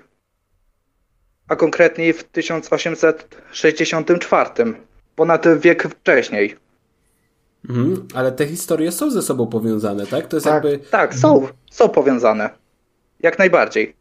Przejście do kolejnego rozdziału dzieje się w momencie, gdy Adam zaczyna czytać ten dziennik. I wtedy przyciemnienie, bum, kolejny, roz, kolejny rozdział gry. Rozdziały Nikolasa dzieją się retrospekcyjnie. No i historia Nikolasa jest taka, że on szuka swojego zaginionego ojca w tym samym domu, w którym e, mieszkają teraz Adam i Emma. Ale tam jest jakiś taki, taki grubszy wątek? Tak, grubszy wątek jest. Powiem od razu, że y, rozdziały Nikolasa są ciemniejsze. Dosłownie i w przenośni. Bo rozdziały Adama y, przez większość gry dzieją się w dzień, a rozdziały Nikolasa w nocy. I to jest, myślę, fajny wyznacznik tego, że będzie więcej się działo. Będzie ciekawiej. Znaczy pod, pod jakim względem wyznaczyć, Bo... że będzie ciekawiej? W sensie to jest, to jest fa fajny motyw, żeby rozgraniczyć wizualnie te, te dwie części. No bo całość obserwujemy z widoku, z, z oczu bohatera, nie? Więc jakby nie mamy tak. takiej... E, Co najwyżej takiej... widzimy jego ręce. Tak, no to, to, to, to klasycznie, także, także nie mamy jakiejś takiej innej poszlaki, że to no. się dzieje w innych czasach poza napisem. A, natomiast to jest to, też fajna opcja, żeby poznawać tego historię, tę historię tego domu, jak on się zmieniał przez lata. Mm, ponieważ y, trafiamy do tych samych pomieszczeń. Do tego momentu, do którego ja doszedłem, takim pomieszczeniem była na przykład piwnica i pewna szopa. I na przykład urocze było to, że w tej historii Nikolasa, kiedy zszedło się, zeszło się do piwnicy, no to jasne, to jak Ray mówi, y, było ciemniej, bo trzeba było korzystać z zapałek tak naprawdę i z y, tak, takiej lampy naftowej. Mieliśmy początkowo do dyspozycji tylko zapałki, a później znalazło się lampę naftową. I powiem szczerze, że zapałek korzysta się głównie tylko po to, żeby zapalać świeczki. Bo tak naprawdę te, do oświetlenia drogi lampa naftowa zdecydowanie wystarcza bo po drodze można zbierać e, ale, naftę. Ale, ale to też nie jest jakoś bardzo, bardzo jasno tam wtedy. To jest tak, tak ta tak. lampa wystarczająca. Wciąż jest stosunkowo ciemno, ale przynajmniej jakieś światełko jest. Mhm. Natomiast jeżeli chodzi o ten dom, do czego zmierzałem, to jest to, że jeżeli już zejdziemy do tej piwnicy, tej, o której wspomniałem, mm, to jest dosłownie drugi rozdział, więc to nie będzie jakiś wielki spoiler, to kończy się w pomieszczeniu, w którym tam się, coś tam się dzieje, coś jest odkryte, i kiedy trafiamy tam w następnym rozdziale już jako Adam, no to okazuje się, że ta, to pomieszczenie jest w ogóle zamurowane. I to wywołuje taki efekt, że o kurde, co, jakie jajca tu są grubsze, mimo że tam wiemy, bo już się pojawia straszna morda wcześniej. E, tak. Też jest, taka, to też jest taka gra, umówmy się, oparta troszkę o straszenie. Na straszaki. Tak, na straszaki z wyskakującymi strasznymi mordami. E, chociaż, chociaż są takie momenty, że ta morda nie wyskakuje, to jest znowu chyba trzeci rozdział z bodajże 12. Także dalej sam początek, gdzie 13 widzimy, jest. Tak, no to 3 z 13. 13 gdzie, jest. Gdzie widzimy tę postać, która stoi, stoi na wyższym piętrze i patrzy na nas i musimy tam wejść i to było naprawdę takie dość niepokojące, kiedy stałem na tych schodach i tak patrzyłem na, na tę mordę, która tam na mnie czekała i ja tam nie chciałem wchodzić. E, jeszcze sobie to w środku w nocy grałem, także to, to, to, to było dość niepokojące, no ale mm, no. Jeżeli, jeżeli jest się fanem bardziej subtelnego horroru, który straszy atmosferą, no to myślę, że tutaj akurat The Beast Inside nie będzie zbyt dobrą polecajką, bo to jest jednak bardziej straszak taki. Tak. Ale tak jak opowiadacie o tej grze, jak teraz oglądam sobie jakieś materiały, e, to ona ma trochę taki vibe tych horrorów od Bluebird Team, co nie? Taki Blair Witch czy, czy no ten Blair Witch gdzieś mi się No ma taki vibe. Znaczy umówmy się, wszystkie te obecne e, survival horrory, e, które powstają, e, ja je bardzo lubię, nie? To żeby nie było. Ja uwielbiam gry Bluebera i uwielbiam Layers of Fear. Mm, no to one są troszkę robione na jedno, na jedno kopyto, tak naprawdę są do siebie bardzo, bardzo podobne. To, to wszystko troszkę stara się emulować tak naprawdę PT i Residenta 7. No tak, tak, tak wyglądało Madison, tak wyglądało co tam jeszcze było takiego z tych, z tych dziwnych Oj, wiesz, coś Made of Scare chyba? Takie Made coś of Scare, tak. Layers of Fear. No to Layers of Fear swoją drogą, nie? Ale chodzi, chodzi mi o te gry z takich A. mniejszych studiów, mniej znanych może szerzej. Mm, no to właśnie Made of Scare, właśnie, właśnie e, to Madison. To są gry, które wyglądają bardzo podobnie, podobnie i prawdopodobnie, gdyby się je wszystkie zestawiło screen obok screena, to myślę, że mało kto by odróżnił, która jest która. Są tak podobne gry. Także ja, ja... Prędzej doszliby do wniosku, że to jest ta sama gra.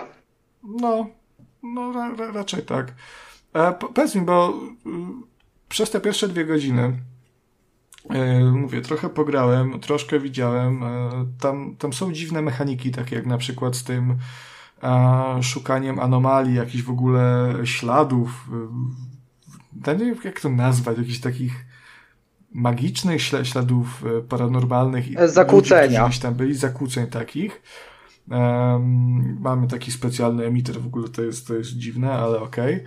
No, bardzo dziwne. Tam, tam są takie, takie drobne minigierki, dziwne mechaniki. E, czy, czy potem to się zmienia jakoś bardziej? Wiem, że jest jeszcze, jeszcze minigra z um, używaniem maszyny Enigmy do rozszyfrowania kodu. No jest, jest, jest Enigma i myślę, że to jest, to jest akurat bardzo fajne, bo nie dość, że może na tego użycie do rozszyfrowania depeszy, to e, gra przeprowadza nas przez proces kalibracji tej maszyny. I to mi się bardzo podobało. Ale, ale, to się pojawia gdzieś potem jeszcze? Na przykład ta wiedza jest potrzebna do czegoś? Czy, czy to jest takie, po prostu się e, pojawiło nie. raz i tyle? To, to jest jednorazowe. No to, no to trochę później, słabo, myślę, bo to znaczy fajne, bo później fajne, taki nie? lekki spoiler i tak, później i tak tracimy tą maszynę.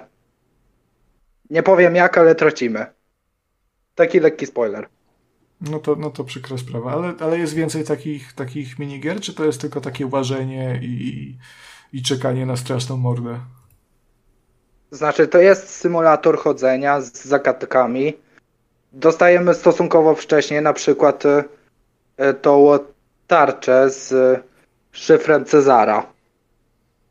I A tak, to jest na, na, na samym nie, początku. Niejednokrotnie z tego korzystamy.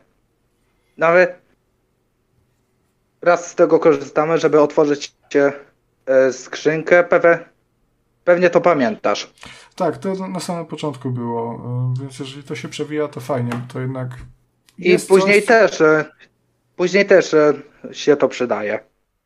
Nie powiem do czego, ale jest wykorzystywane. A są jakieś walki, jakieś, jakieś strzelanie, jakieś ciachanie tych potworów, czy to zawsze kończy się ucieczką? Strzelanie jest, ale tylko przez jeden rozdział. Bo to jest tak, że jak gramy Nikolasem, to gdzieś po drodze znajdujemy rewolwer. Jak e, gra nas zaprowadzi poza, tą, poza ten dom, e, do zajazdu bodajże, bo przez całą grę będziemy zwiedzać różne lokacje w okolicy, to jeszcze w drodze do zajazdu dostajemy te naboje do e, rewolwera. I dosłownie 3 czy 5 kroków później dostajemy pierwszą przeszkadzajkę. I z tą przeszkadzajką przyszedł, przyszedł Quick Time Event, które trzeba było strzelić do tego typa. Ale czekaj, ale to trzeba było strzelić tak jak w strzelance, czy to był Quick Time, quick time Event? E, quick Time Event. Jeden przycisk i boom. Znaczy, to, to, ale sama mechanika ale, strzelania istnieje, znaczy, czy, czy to jest oparte o, o e, Strzelanie istnieje. Eventy? Strzelanie właśnie istnieje, ale wprowadzili to w, w formie Quick Time Eventu. Dobra, to jeśli ja dobrze rozumiem, to jest tak, że po prostu ta mechanika strzelania jest wprowadzona y, przez Quick Time Event, a później już jest normalne takie strzelanie, regularnie się y, przyciskiem oddaje kolejne strzały, tak? Tak, tak. Tylko właśnie jest jeden problem. Jest to, to było wprowadzone tylko do jednego rozdziału. Mhm. A jeśli chodzi o ten sam poziom straszenia, to to gra jest naprawdę straszna. W takiej skali od, od, od 0 do 10, to jak byś to określił? E, mam tu na myśli, no nie wiem, czy, czy trzeba grać w dzień, czy może jednak spokojnie można gdzieś tam nocą w wyciemnionym pomieszczeniu ze słuchawkami na uszach i nie będzie aż tak źle. E, powiedziałbym, że w skali od 1 do 10 poziom straszenia jest 6. Kurwa, a ty grałeś w dzień, w dzień czy w nocy? Mam... I jedno i drugie. Ja, ja, tak sobie, ja tak sobie odpaliłem Bo... to tak w okolicach trzeciej w nocy, to tak powiem ci, że trochę kupa w majtach była i to nie z tych samych powodów, no właśnie co nie... przy Forzie. Jak grałem w nocy, to rzeczywiście kupa w majtach była. Dzień to już nie jest aż tak źle, ale podskoczyć to da się, przestraszaka. Jak morda straszna wyskoczy, to jasne, nie? Ale, ale jest ten no. klimacik, to nie jest tak wyraźny klimat jak no, jest klimacik. w lepszych, w lepszych produkcjach, ale, ale on dalej jest i... No, mm, daje radę. Daje radę, no jest, jest, jest ten... Jest, jest, jest spokój. A co, podobało ci się ogólnie, czy nie? Podobała mi się i to bardzo. No to chyba najważniejsze. Tak. E...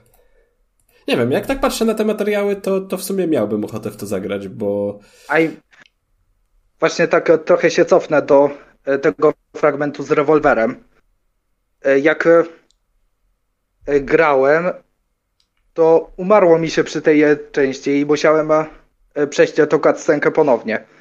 I za drugim razem zauważyłem, że zaczynamy z sześcioma nabojami.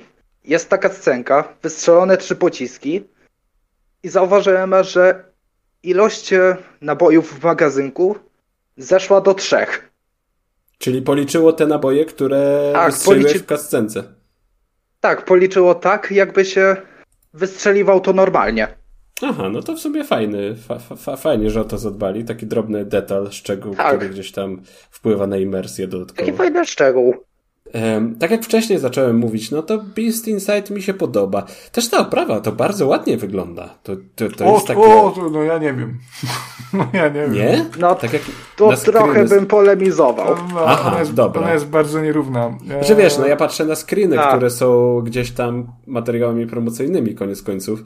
E, to na tych, na tych materiałach wygląda fajnie. Um... Czy wiesz, same pomieszczenia, jak, jak jest ciemno, jakieś takie dziwne mory, to wygląda ok.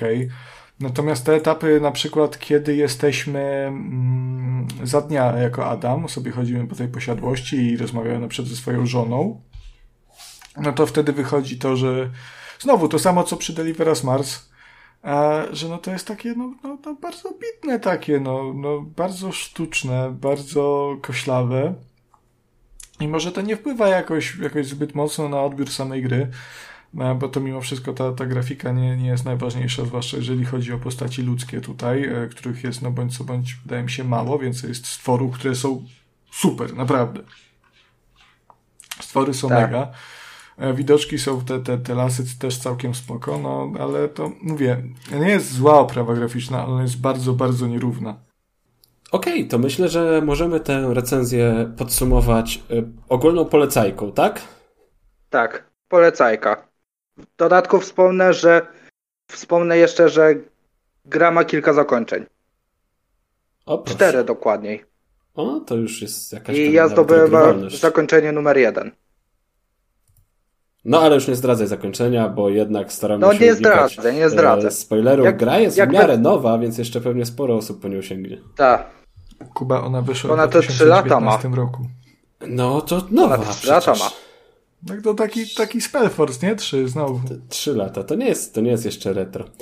Dobrze, to teraz jeżeli się już trochę przestraszyliście, wszyscy wystraszyliście tego The Beast Inside, to ja wam opowiem o grze, która jest całkowicie na drugą, e, na, dru na drugim biegunie, całkowicie odwrotną, inną, a zarazem oryginalną i jakże piękną.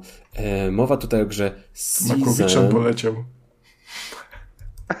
A chodzi ci o akcent, czy o dobór słów? Za akcent o dobór słów, prawda? No aż trochę ćwiczę gdzieś przed lustrem. Papryczka, papryczka. Także moi drodzy, opowiem wam o grze Season. Jakże piękną. tak? Season a letter to the future. I to jest gra, którą zajawiałem już kiedyś e, w segmencie indyczkowym. Urzekła mnie wtedy mm, i, I zapowiadałem, że jak będę miał okazję w nią zagrać, to pewnie ją zrecenzuję. Tak też się stało. Zagrałem, nie żałuję. E, ale zacznijmy od początku, bo tak jak y, wtedy wspominałem, ja kompletnie nie miałem pojęcia, czym ta gra ma być i, i wokół czego ma się kręcić fabuła, bo ten opis, który był na Steam, czy to w języku polskim, czy w języku angielskim, on był bardzo niezrozumiały, ale to nie wynikało z tego, że on był jakiś, e, nie wiem, źle napisany, niepoprawnie napisany. On był po prostu tak abstrakcyjny sam w sobie, że ciężko było się domyślić, o co w tej grze chodzi.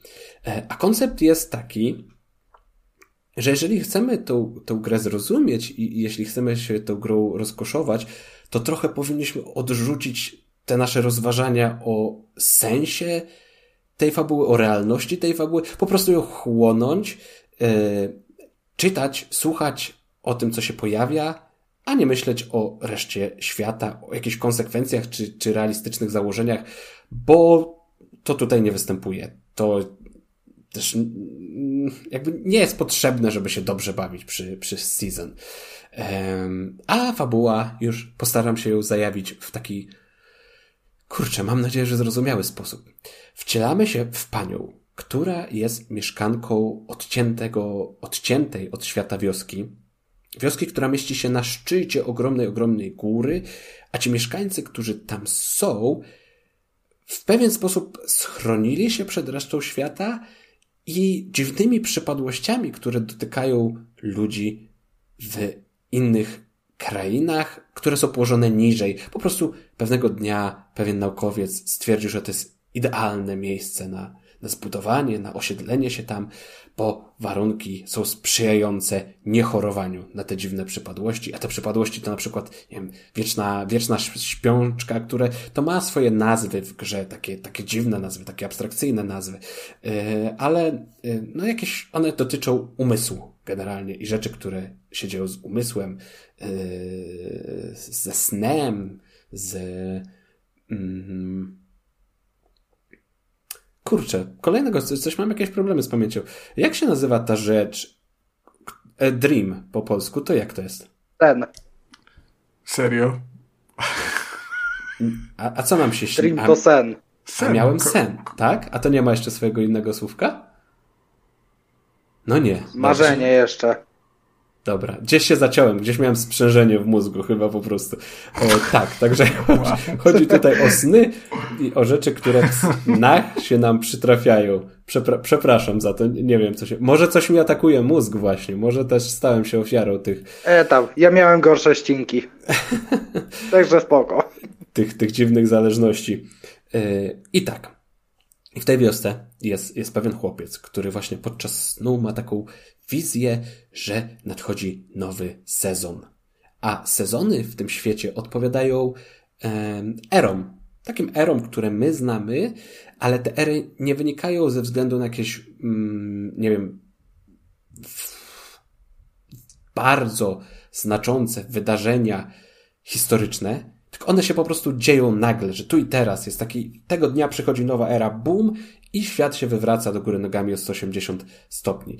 Także dzieje się coś kompletnie innego. Była, była złota era. Złotą erę w sumie można porównać do naszych aktualnych czasów. Później była era wojny, gdzie nagle nastąpiła taka wojna, takie boom.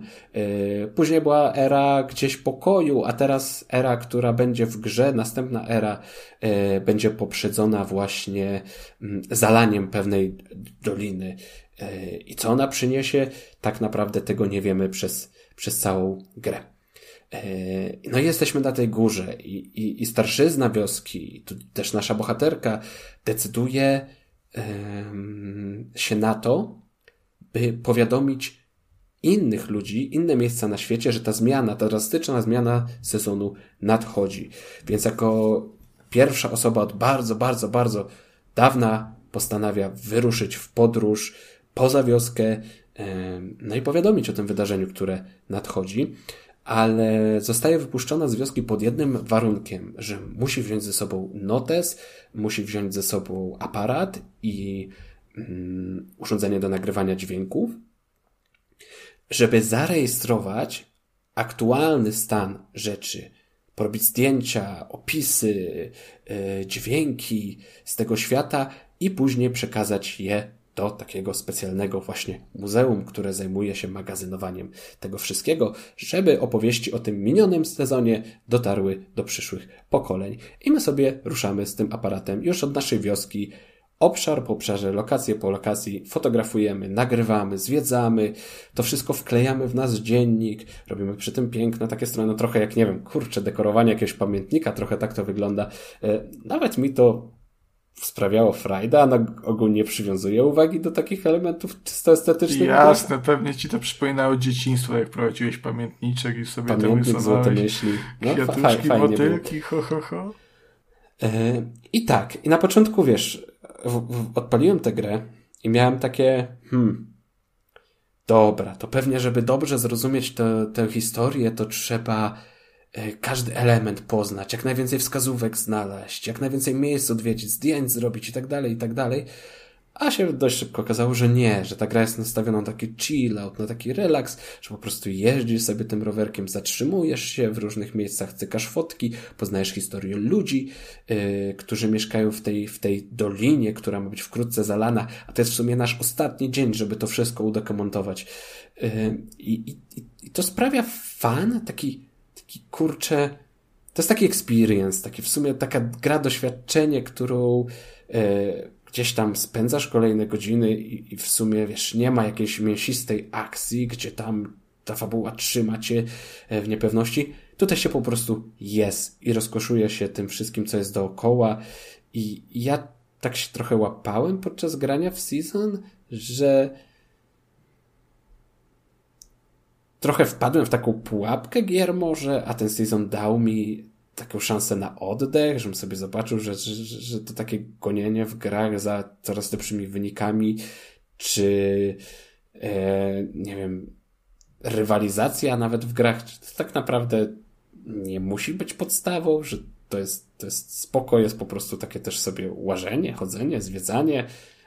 Świetnie się bawiłem, chociaż zdaję sobie sprawę, że może nie do końca potrafię to wytłumaczyć, ale też eksploracja tego świata była przyjemna yy, przez to, że on jest piękny. To jest bardzo ładna gra, która jest cudnie namalowana, narysowana. Super piękne wygląda. Są, piękne są widoczki, yy, przestrzenie, krajobrazy, no to się chłonie cudnie. Te, te, te, grafiki, które trafiają do naszego notesu, one też są ręcznie zrobione, pięknie to wszystko wygląda. E, no po prostu czuć ten niepowtarzalny klimat tej gry i co najważniejsze to jest, to wszystko jest spójne. Od opowieści, poprzez te lokacje, które zwiedzamy, te postacie, narrację samą, to jest wszystko spójne na bardzo równym i wysokim poziomie i ja już teraz wiem w sumie na tym etapie, że, że Season będzie taką jedną z moich chyba e, jednym z moich faworytów, jeśli chodzi o najlepsze gry niezależne tego, tego roku. No naprawdę. E, I pod względem narracji, fabuły, oprawy, udźwiękowienia, które też jest super. W ogóle to nagrywanie dźwięków, grałem na słuchawkach, piękna, piękna sprawa, piękne rzeczy. E, nie wiem, co jeszcze mogę bardzo, bardzo gorąco polecam. Żadnych większych błędów nie uświadczyłem. Czasem to jeżdżenie rowerem jest niewygodne, bo są problemy z zatrzymywaniem się albo się gdzieś tam w teksturkach zatnie, ale no też tak byli, na, byli na to gotowi, że jest opcja po prostu, wiesz, zresetuj swoją pozycję i, i jedziesz dalej, także to nie jest żadnym większym e, w sumie problemem. Znaczy, ogólnie tak jak patrzę, to ta gra nie jest, nie jest takim, jeżeli chodzi o samą mechanikę, nie jest tak stuprocentowo dopracowana na przykład pod względem animacji, bo notorycznie widzę, że, że postać się unosi yy, po prostu, no, nie wiem, no pół metra nad ziemią, na przykład schodząc ze schodów. A, A w ogóle wiesz, możemy po schodach jeździć rowerem, to też jest taka trochę abstrakcja. No, to, bo... to, jest, ale to jest, to jest akurat w kontekście takiej gry, myślę, że, że to jest pierdoła, która nie, nie wpływa na sam odbiór, że to jest taka gra, taka bardzo growa gra, mi się wydaje. W sensie, że jak grasz, to czujesz, że grasz, ale jednocześnie to jest, jak mówisz, chillowe. Mm ja jestem Jeszcze jedna rzecz mi się przypomniała, na no? którą się bardzo obraziłem, bo Aha. tak, nie wiem skąd ta decyzja. Y, podczas dialogów, dialogi pokazują się w chmurkach, takich komiksowych chmurkach i teraz one są bardzo ładnie nagrane. W ogóle ci aktorzy głosowi super się sprawdzili i, i one są fajnie napisane, ale dlaczego nie potrafię zrozumieć, dlaczego twórcy zdecydowali się na to, by Kolejną chmurkę odpalało się poprzez naciśnięcie przycisku. Wiesz, że one nie są płynnie, tylko masz zdanie, które jest nagle urwane i dopóki nie puścisz dalej, to, to, to, to nie usłyszysz go w takiej formie, w jakiej chciałbyś usłyszeć, takiej, takiej jednolitej i, i, i ciągłej, płynnej. Także to mi przeszkadzało trochę podczas dialogów. No, no co zrobisz? A nie, to zdecydowanie bardziej jestem tym zainteresowany Spellforce'em. Ja bardzo lubię tego typu gry. Um, I na przykład taką grą w tym stylu był poniekąd Stray z zeszłego roku, który ja nie wiem dlaczego na Indie Pearlsach nie zdobył tytułu gry roku i poza tym zdobył tylko jedną nagrodę. To jest absolutnym skandalem, Kuba. Jezu, właśnie mi przypomniałeś, że my mieliśmy omówić nagrody Indie Pearls. Ale numer. Ale wstyd. To tak istnieją? Ale wstyd. Tak, Kuba nawet ten. No, nie, Dobra, na następny odcinek, ocenią. proszę pamiętać, proszę pamiętać. To słuchaj, to. Ja mogę pamiętać, mogę nie. Ty się będziesz musiał tłumaczyć przed. Będę się musiał. Przewodniczącym. I po, i po premii, i po premii. e, i, I też taką grą było, była gra, którą w sumie bardzo polecam. E, The Last Day of June. E, to tak, tylko tam już były jest... takie zagadki, co nie? Troszkę były, ale, ale te też nie były takie zagadki typowe, jak w przygodówkach, to było raczej ustawianie różnych wydarzeń w odpowiedniej kolejności, bo tam była zabawa czasem trochę. Mm, natomiast też to była taka bardzo chillowa gra, chociaż fabularnie była mocno przejmująca i mocno dołująca. Pamiętam, ale... Konrad, że płakałeś, pamiętam. Ja, ja że płaknął, to, to się zgadza, ja płaknąłem. Um, też poniekąd, jeżeli chodzi o takie gry, które, e, które mi też pokazały, także może nie warto się śpieszyć, żeby mm, zdobyć to wysokie przedostatnie miejsce w tabeli wyników. To na przykład było Disco Elysium, e, które jest absolutnie wybitną grą, w, w którą e, każdy powinien zagrać. I też to była gra, którą e, no, po prostu się chłonęło. I, i Trochę się nie zgodzę. Trochę się o. tutaj nie zgodzę, bo, bo faktycznie tę grę się chłonęło i ona była absorbująca, ale ja jednak pamiętam, że y, miałem to poczucie, że chciałem w Disco Elysium odkryć jak najwięcej, że wiesz, że kurczę, byłem pewny, że tam twórcy pochowali tyle tajemnic i tam było pochowane tyle tajemnic, że ja muszę tutaj każ, zajrzeć w każdy, wiesz, y, no, ale, ale każdy to kamień, się wzajemnie wyklucza. Każdy... Y, no, jednak, nie. wiesz, bo po prostu grając w Season nie masz tej presji, że coś musisz. Grasz, bo grasz, grasz, bo zwiedzasz. A, a jednak w disco była ta taka presja, takie, takie, takie mogłeś poczucie mieć, że coś cię, coś cię ominie, że coś nie poznasz, że coś gdzieś zabraknie. Ja, ja Ale swoją drogą, tu taki szybki off-top. Y, w tym mhm. tygodniu y, Bartkowi poleciłem, pozdrawiamy Bartka, jak ostatnio w każdym epizodzie, y, właśnie Disco Elysium gra i jest zachwycony. Także mówi, że nie, nie, dosypia, nie, dosypia nocek, chodzi przeze mnie niewyspany, ale że jest, jest super. Dobra, także to Ale przepraszam. Elysium? E, nie, ale mam na oku. No to masz mieć na dysku teraz po odcinku, bo to jest gra, w którą trzeba zagrać. nie ma, że nie. Dobra. Ale trochę ci przerwałem, Konrad, bo tam zmierzałeś do jakiejś e, konkluzji. Nie, no chyba tyle tak naprawdę, no, że to też takie chillowe. E, czy co, coś jeszcze takie chillowe? Bo to jest, wydaje mi się, że jest w ogóle cały rynek taki, tego typu gier, w których się chodzi, zwiedza, jest bardzo fajnie. Chyba wyszedł. No czekaj, ja ci, już, ja ci już mówię, co mi Steam polecił. Yy, oto, oto, no. Yy, Call of Duty będzie ze, ze Steamowych polecanek. Yy, Steam mi polecił Grisa jako alternatywę podobno tak, do uruchamiania gier. Pasuje jak najbardziej. No, tak, no w sumie tak. A, a dru, drugi tytuł mniej pasuje, bo to jest Plague, Plague Tale. No, są, czemu myszki są fajne. To... Myszki wcale nie straszne, wcale nie, oble, nie obleśne, prawda? Była ostatnio taka gra, nie wiem, czy to nie będzie zbyt długie skojarzenie, natomiast ona się nazywa Lake. E, wprawdzie z tego, co słyszałem, ona nie jest może jakaś wybitna, natomiast to jest gra, w której w 1986 roku e, jako Meredith Ways robimy sobie przerwę w wielkomiejskiej karierze, aby dostarczyć listy w rodzinnym miasteczku. Mm, tutaj w ogóle nie czytam ze Steama opisu gry, mm, natomiast to jest to też, wydaje mi się, taka gra w tym samym stylu, że sobie jeździmy e, tym samochodem listonosza i sobie dowozimy listy, poznając tam w międzyczasie historię tego miasteczka. Mm, także to jest też, to jest też produkcja, którą ja mam na oku i która może być e, fajna. Natomiast jeżeli chodzi o podobne tytuły, na przykład do Lake, no to tu jest na przykład Wiedźmin 3 Dziki Gon.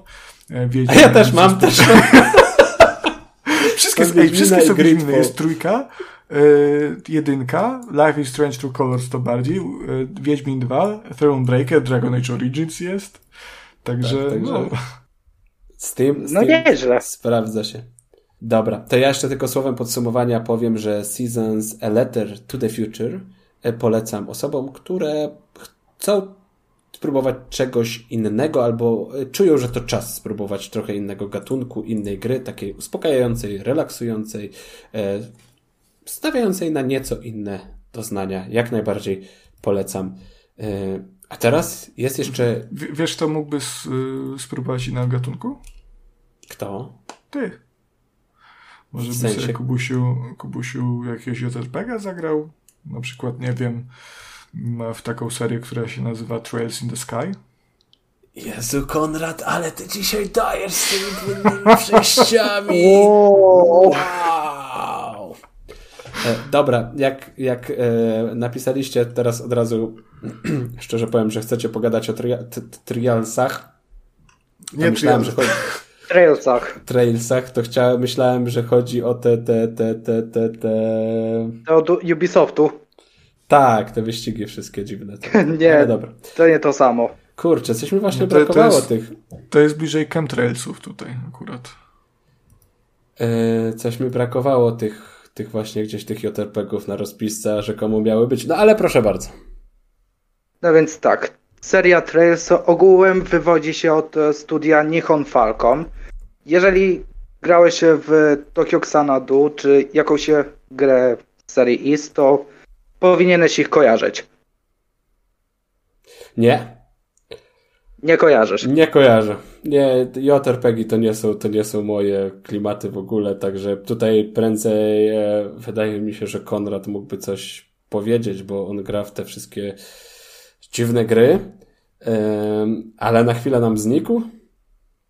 No dobra, no to będę kontynuował. E, seria Tracer jest e, spin-offem serii The Legend of Heroes, które z kolei jest e, spin-offem Dragon Slayer. Czyli taki spin-off spin-offa. I seria zrobiła się tak popularna, że ma obecnie na koncie 15 gier. Łącznie ze spin-offami. Że to są jeszcze spin-offy spin-offa spin-offu? No przecież japońskie gry Tak. muszą być. Ale te, z tymi japońskimi grami nie wyrobisz. Przecież na przykład na, na podobnej kanwie cała ta persona wyrosła, nie? E, która jest spi- spin-offem Shin Megami Tensei. E, i jeszcze ma te swoje dziwne, małe spin-offy. Czy to nie tyle te spin-offy, ale jakieś takie poboczne gry w postaci jakichś tych muzycznych czy, czy tanecznych dziwnych No, rzeczy. muzyczne, Persona 5 Scramble. No. Na przykład, no. E, tak, Trailsy, Trailsy.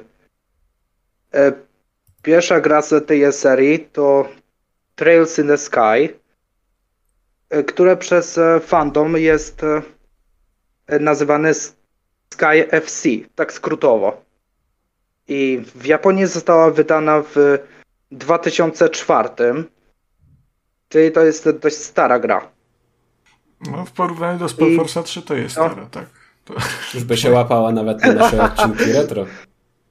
I e, lokalizację dostała na PlayStation Portable oryginalnie w 2010. Czyli 6 lat później. Mowa tu o pierwszej grze. Oczywiście. Bo jest ich więcej. Jest, jest ich aż 15, które dzielą się na e, pomniejsze lin, linie fabularne. To nie jest seria pokroju Final Fantasy, gdzie można wskoczyć do prawie dowolnej gry i nie obawiać się o inne. E, W tym wypadku jedna gra nie może istnieć bez drugiej. Ale czekaj, ale teraz jest mowa o tra- Trails in the Sky, czy w ogóle o The Legend of Heroes? Bo ja, ja, ja, ja jestem zainteresowany tą serią.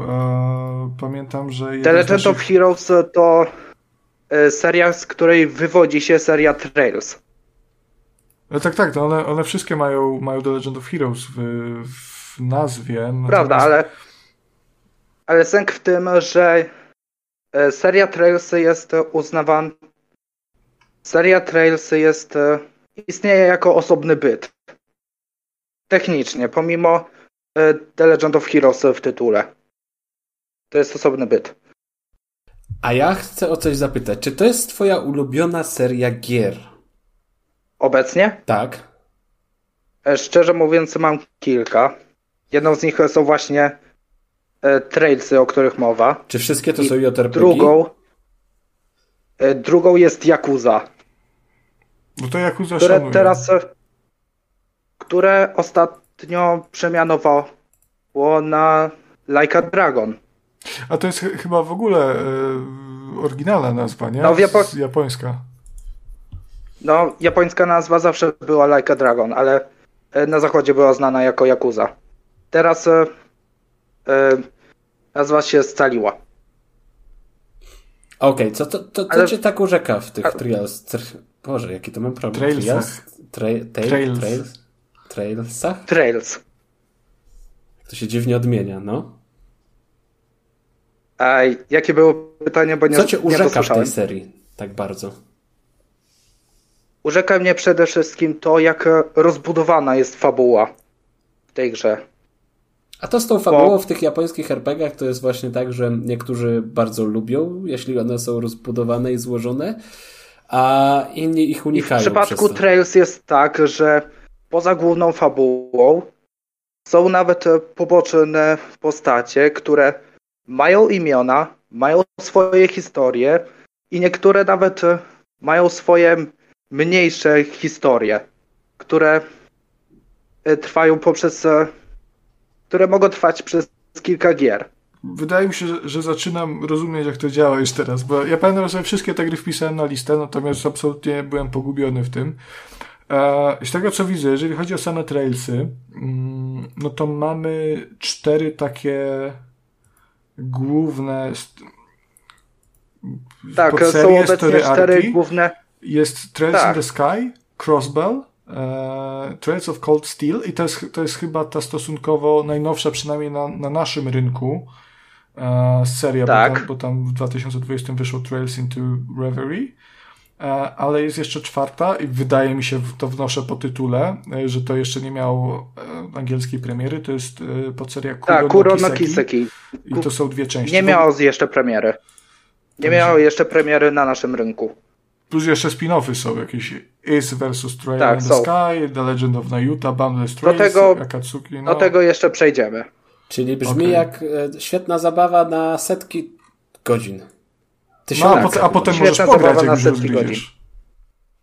I powiem, powiem od razu, że masz o tyle łatwiej, że kolejność wydawanych gier to jednocześnie kolejność, w której gry powinny być ogrywane, nie licząc spin-offów. Bo jak masz 2004 e, Trace in the Sky, to właśnie od tej gry powinieneś zacząć, jak chcesz mieć najwięcej frajdy. Ewentualnie jak chcesz zacząć od nowszej gry, to Trails of Cold Steel jest dobrym wyborem. Ale to, to się wszystko łączy w jakiś taki większy, większy tak, uniwersum, to... większy świat? Tak, to, to się łączy w. w jeden większy świat. Mhm, okay. Bo jak bo te story arki mają miejsce w różnych regionach E, kontynentu Zemuri, w którym dzieje się akcja całej serii. I tutaj też mówisz o tych, I... o tych y, poprzednich, tych, tych Legend of Heroes, y, Dragon Slayer, jakiś widzę, e... Gaggar. Znaczy The Legend of Heroes, Dragon Slayer, tych gier nie trzeba znać. Tych, nie, tych gier nie trzeba znać. Poziom wejścia jest bardzo niski. Możesz je, Możesz je ograć, ale co najwyżej jako ciekawostkę. Dobra, a jak mógłbyś nam nieco przybliżyć po prostu y, sam model rozgrywki? To, to jest taki czysty JRPG, czyli turowe potyczki? To jest. E, e, walki prezentują się tak, że masz walkę turową z elementami gry taktycznej, czyli że można poruszać się postacia mi po e, planszy, tak żeby na przykład uniknęły oberwania specjalnym atakiem od przeciwników. Są różne komendy, wiadomo. Mogą, postacie mogą zaatakować normalnie, albo użyć zaklęć, albo specjalnych ataków. I każda postać ma swoje wyjątkowe specjalne ataki. Każda postać ma także y, ultimatywny atak, tak zwany S-Craft, który można aktywować dosłownie w każdej chwili. Nawet wtedy, kiedy przeciwnik ma e, swoją turę. Dzięki czemu można się wciąć i, i skasować przeciwnika, zanim cokolwiek zrobi. Szukam sobie właśnie rozgrywki z tej gry i kurczę, tak dużo widzę takiego jest. Zadam godzinny gameplay, gdzie jest samo gadanie, E, ale, tak, ale z tego co widzę, to nie. Znaczy teraz patrzę na y, Trace to Azure. Mm, to wygląda mi raczej jako taki standardowy JRPG. Nie wiem, czy to się w późniejszych odsłonach zmieniło, czy, czy, czy nie. E, właściwie to przez, e, przez wszystkie gry jest taki gameplay, poza Kurono Kiseki, który wprowadził także opcjonalny gameplay opierający się na akcji. A ty grałeś to? Kurono Ki... Jezus, kur... Boże. Kurono Nie, nie grałem. Wiem to z Wikipedii. Kurono Kiseki. A, okej. Okay. Dobra, myślałem, że może... Nie grałem. Może znasz japoński, nie? Czy, czy i, i, i mogłeś sobie pozwolić? Nie, nie znam japońskiego. I muszę jeszcze wspomnieć o systemie zakręć, bo to nie jest takie proste. Każda grywalna postać ma ze sobą tak zwane orbmenty, do których można wstawiać e, kryształy zwane kwarcami, co się na wzór materii z Final Fantasy VII. Y, z ich pomocą można wywoływać różne efekty i rzucać zaklęcia. I fajne jest to, że y, posiadane przez postać zaklęcia, o zaklęciach posiadane przez y, postacie decydują kwarce, które są obecnie zaekwipowane. Czyli możesz zmienić chociaż jeden kwarc i lista dostępnych zakręć może drastycznie się zmienić. To, to, troszkę brzmi jak persona tutaj, tak z moich ostatnich doświadczeń. Tak, troszkę. Tam, tam, tam też było I fajnie, że o tym wspominasz, bo e, w Trails of Cold Steel e, jest wprowadzony system socjalnych wydarzeń, tak jak w Personie. O, dobra, teraz jestem zaintrygowany. Jest dating sim, ja jestem w ogóle... No to fajnie, że cię przekonałem. Znaczy, ja już byłem dawno zainteresowany tą serią. Nie? Ja, ja Tylko po prostu zacząłem... nie masz 500 godzin wolnych akurat, tak? Żeby... W grudniu no, no, mam dwie persony do skończenia. E, ale, Ta, ale... Na całą serię to trzeba poświęcić sporo czasu. Chyba życie trzeba ale poświęcić. Warto. Tak jak patrzyłem w ogóle sobie, patrzę na, na Wikipedii na, te, na, na tę serię i e, wszedłem sobie w e, zakładkę List of Games i to jest, jeżeli chodzi o serię Dragon Slayer i tam też jest nie, The, The Legend of Heroes ani, ani Tracy nie są, nie są uwzględnione. Natomiast no te, ta sama ta seria ma chyba z, pie, z, kurwa, 15, z 30 odsłon, chyba że to są jakieś bo jest na przykład w 91 wyszedł Lord Monarch w tym samym roku wyszedł Lord Monarch Advanced, potem Lord, a to są jakieś porty na Super Famicoma. E, Toko rozumieć, Konrad. Original The First, Online, e, Pro, Monarch Monarch, Minano Mona Mona, czekaj, czekaj, Minano czekaj. Mona Mona 2, Wstrzymaj konie. Mona 3. Konrad, wstrzymaj konie. Te gry nie musisz grać, ja, jeśli chcesz ja, znać trailsy. Ja wiem, ale, ale to mnie po prostu ciekawi, nie? Wiesz, jak, jak a, te... A, okej. Okay jak, jako, jako ta seria, no bo to jest myślę, że możemy uznać niejako jako jedną, jedną serię, nie? Mimo, że w pewnym sensie The Legend no of Heroes i potem Trailsy się z tego wyłamały, tworząc swoje własne um, własne serie, tak jak Persony na przykład, no to kurde, jak to wszystko podliczyć w takie, no to, to no ja myślę, że bez kitu to może starczyć na całe życie grania. Jakby ktoś chciał to wszystko poznać. No prawda. I powiem Ci jeszcze, że to jeszcze nie koniec. Ma jeszcze ma jeszcze być sporo gier serii Trails. Ale fa fabularnie jak to wypada? Ty możesz w ogóle przybliżyć Fabu jakiś taki ogólnie fa fabułę tych gier, czy... To zależy od tego, o, o której linii fabularnej mowa. No nie, no, nie wiem, czy to, chcemy tak mocno na to wszystko się, zagłębiać. O, il, o ile wszystkie gry fabularnie się łączą, tak różnią się trochę początkami. Na przykład w e, trylogii Trails in the Sky główną bohaterką jest Estelle Bright, która e, zaczyna swoją karierę jako e, bracer. Ogółem bracerzy to osoby, które utrzymują porządek i pomagają mieszkańcom, zabijają potwory, takie rzeczy. Typowa gildia. No. Wiedźmini. I podróżuję sobie o po regionie Liberl. Nie mylić ze słowem liberal. Och, to najgorsze.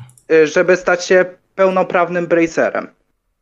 W trylogii Tracing the Sky tak, tak się prezentuje początek fabuły, a w tak dla przykładu, e, w linii fabularnej Erebonii, czyli e, wszystkie gry Trails of Cold Steel, główny bohater, Rin Schwarzer, e, zaczyna swoją edukację w militarnej akademii Tours. I przez pierwsze dwie gry jest uczniem w tej akademii a w kolejnych dwóch grach, czyli w trójce i czwórce, jest nauczycielem.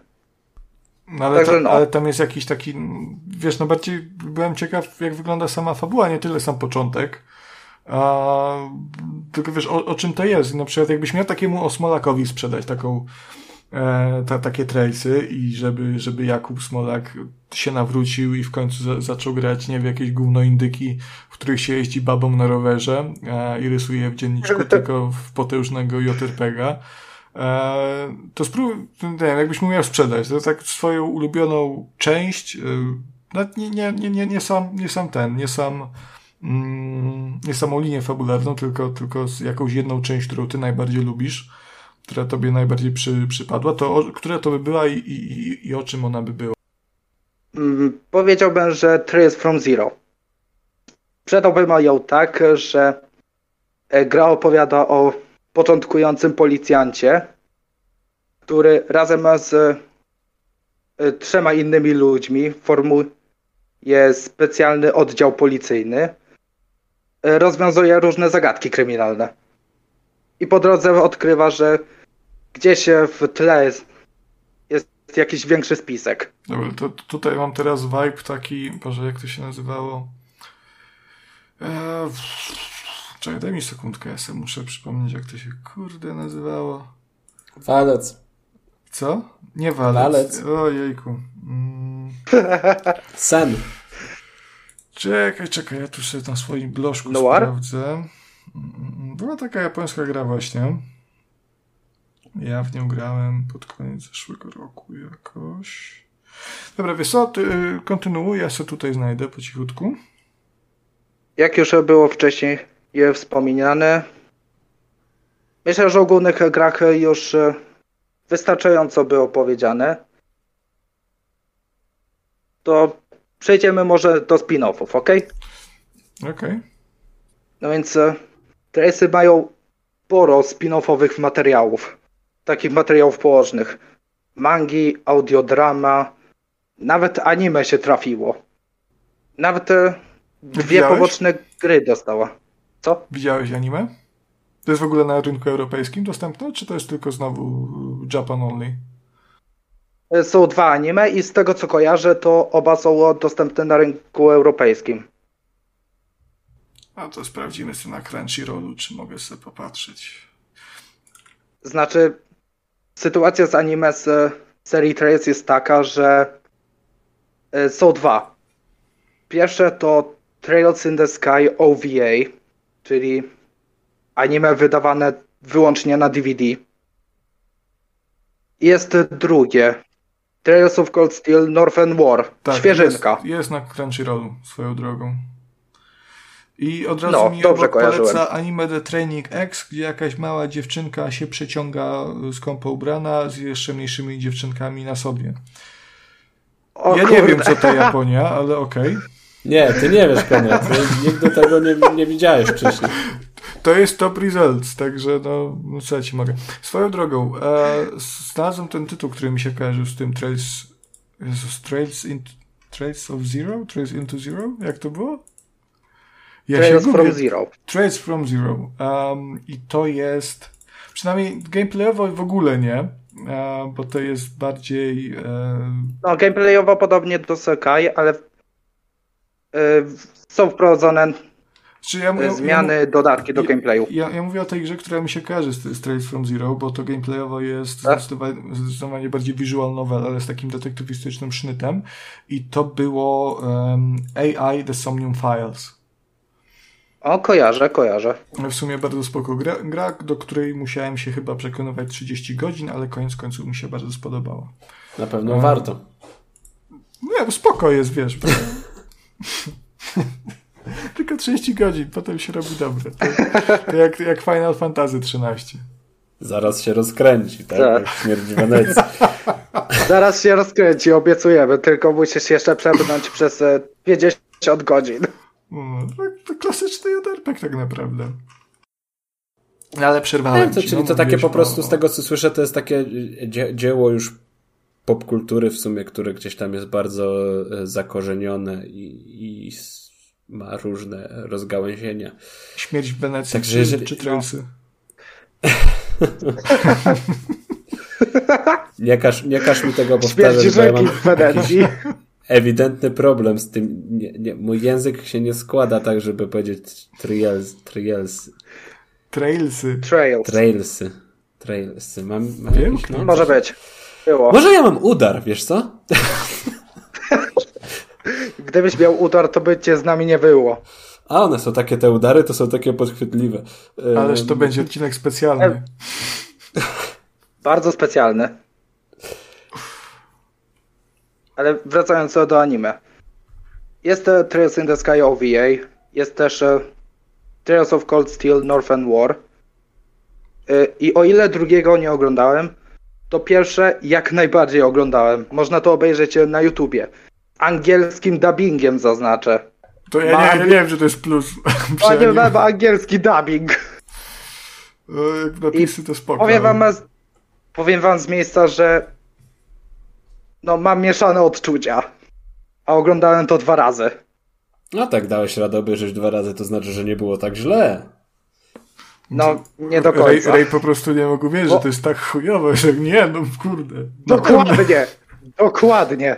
Nie dość, że takie, to jeszcze niepotrzebne. Bo e, Trails in the Sky OVA ogółem powstało z okazji e, którejś rocznicy powstania Nihon Falcon. I powiem, że tak kiepawego prezentu nie mogli dostać. Bo nie dość, że Trails in the Sky OVA zupełnie omija pierwszą grę, mimo tego, co sugeruje e, opis na, na My Anime List. To jeszcze omija sporo szczegółów z drugiej gry.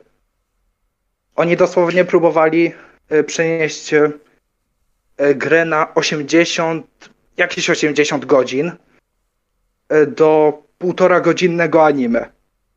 To nie mogło wyjść. A jednak to zrobili. I ogól, Ale, ogólny ale czemu nie konsensus- mogło wyjść? to nie mogło wyjść, bo e, ścieśnili 80-godzinną grę do półtorej godziny anime. No tak, ale, ale wiesz, problem z, z grami jest, jest też taki, że tam jest bardzo dużo gameplayu i w przypadku JRPG-ów ten gameplay jest, no mówmy się, no, no bardzo często dość powtarzalny. Jeżeli wiesz, bo ja nie grałem w Trailsy, więc ja mogę, mogę się absolutnie mylić.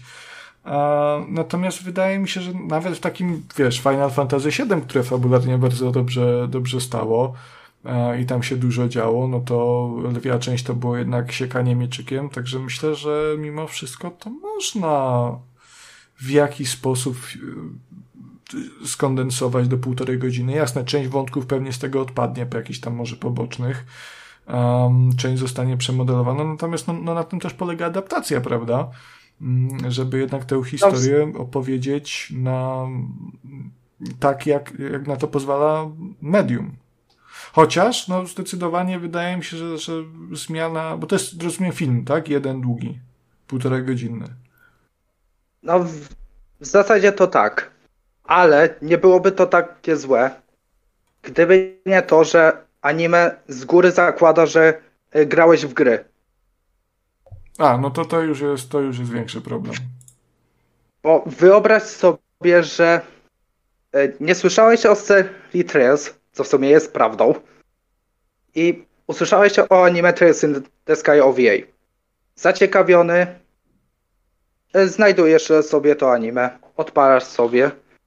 Takie krótkie wyjaśnienie, nie- co się stało i w ogóle. I nagle ni stąd, ni zowąd masz przed oczami zakończenie pierwszej gry. Od razu przeskakują do zakończenia pierwszej gry. I później nie jest lepiej, bo po intrze od razu przeskoczyli do momentu, który dzieje się pod koniec e, pierwszego rozdziału w drugiej grze. No to to już tak faktycznie dziwnie wypada, jeżeli tak skaczą po... Tak. Ale ja podziwiam, Oni- że ty to masz wszystko w głowie, że ty tak y, orientujesz się w tych fabułach i, i, i w tych wydarzeniach z każdej części serii, no, No, to trzeba, trzeba. Nie dość, że grałem, to jeszcze oglądałem to anime dwa razy, także no. Jak pewnie możecie się domyślić, to dalej nie jest lepiej. Mówiłem, anime z góry zakłada, że znacie gry. I konsensus fandomu jest taki, że można obejrzeć Trails in the Sky OVA, e, choć głównie dla walk z gry w wersji animowanej, ale jako alternatywę dla gier to odpada. Nie warto. Już lepiej zagrać w gry. Znaczy, w ogóle mi się wydaje, że, że, że to jest u podstaw błędem zakładanie, że adaptacja filmowa może zastąpić grę. E, to raczej powinno działać obok siebie, no bo to są dwa różne typy doznań tak naprawdę, o czym no, teraz można się prze, przekonać e, przy okazji The Last of Us, które jasne jest bardzo fajnym serialem, natomiast no, moje odczucia, takie i doznania są zdecydowanie inne niż na przykład w przypadku no, gry. Akurat masz rację. Tyle, że anime nawet zakłada, że znasz że wszystkie postacie, bo mm, powiem tak, w grach praktycznie każda postać jest ważna. W anime wiadomo, musieli zrobić e, kompromisy, ale nawet e, postacie, które są ważne w grach, w ogóle się nie pojawiają. I one są bardzo ważne. No, cóż, no to już jest, to już jest niestety a, wydaje mi się trochę zmora y, w adaptacji no właśnie. gier. Już na przykład Wiedźmin był, był taki, też mu się dostało. E, no także no, to takie są te animacje, no ale to ja myślę, że wiesz, no to, to trzeba traktować dalej jako, jako osobną całość, jako ciekawostkę i jak, jak nie jest takie... Bo ludzie mają ten... No taką... i myśl, no, myślę właśnie, że to jest najlepsze podejście do tego anime. Jako ciekawostka i jako dodatek do całości serii. Obejrzeć raz, ewentualnie dwa razy jako... i zapomnieć. Tak. Czyli co? Ewentualnie najlepiej, się pośmiać. Najlepiej zacząć e, od gier, po prostu od tych starszych, jeżeli chce się nadrobić całą serię oczywiście, zacząć od tych starszych gier, przechodzić je sobie, a w międzyczasie można zajrzeć albo do anime, albo do yy, mang, albo do czego tam jeszcze się da, tak? Tak, dokładnie. A i pod żadnym pozorem e, nie zaczynajcie od Trails from Zero. Od razu mówię. Cenna, cenna wskazówka. W takim razie proszę nie zaczynać od. od... Boże, Trails from Zero. Trails from Zero. nie potrafię powtórzyć prostego tytułu. Czwarty Dobra, to nic, to nic. Nie proszę, proszę mnie tak nie terroryzować tymi tri trialsami dalej. A możemy trailsami? Trails. Chwila. Dobra. No to jeszcze nie będę już dłużej je przedłużał i tak pokrótce powiem e, gry spin-offowe. Opowiem trochę o nich. No więc są, są dwie gry. Jest Is vs Trails in the Sky, które jest e, e, bijatyczką, w której jest zestawione są postacie z dwóch serii Falcomu. Is i Trailsów. Głównie z tych e, trzech pierwszych gier. No i jest jeszcze druga gra, The Legend of Nayuta Boundless Trails, które będzie mieć w tym roku swoją oficjalną lokalizację. No to w porę, to jest 11 lat temu to wyszło. Tak. A to wszystko dzięki Final Fantasy nowemu, które też otrzymało lokalizację. E, w The Legend of Nayuta Boundless Trails grałem w oryginale na PSP za sprawą e, nieoficjalnej, e, nieoficjalnego tłumaczenia i powiem, że fajna gra. Jak wyjdzie oficjalna lokalizacja, to myślę, że warto sprawdzić. Tylko no, mie miejcie na uwadze, że to jest spin-off, więc można sobie sprawdzić poza kolejnością. Szkubie się okład okładka spodoba już, widzę. No i jeszcze jest e, e, gra gacza osadzona w uniwersum Trails, ale o tym lepiej już nie mówmy. Czyli po prostu nie warto no i... sobie tym zajmować głowę. Tak, nie warto. Szczególnie, że jest e, Japan only i prawdopodobnie nigdy nie wyjdzie poza Japonią. Prawdopodobnie zdąży zdechnąć śmiercią naturalną. Myślę, że to tyle. Dobra. Czyli, czyli temat se serii tej serii, bo już nie chcę mówić serii. Tr, tr, no, no, tej Dobrze, serii. Kuba, Powiedzmy ja, tej ja serii. słyszę, że ty złapałeś blokadę z tym tytułem.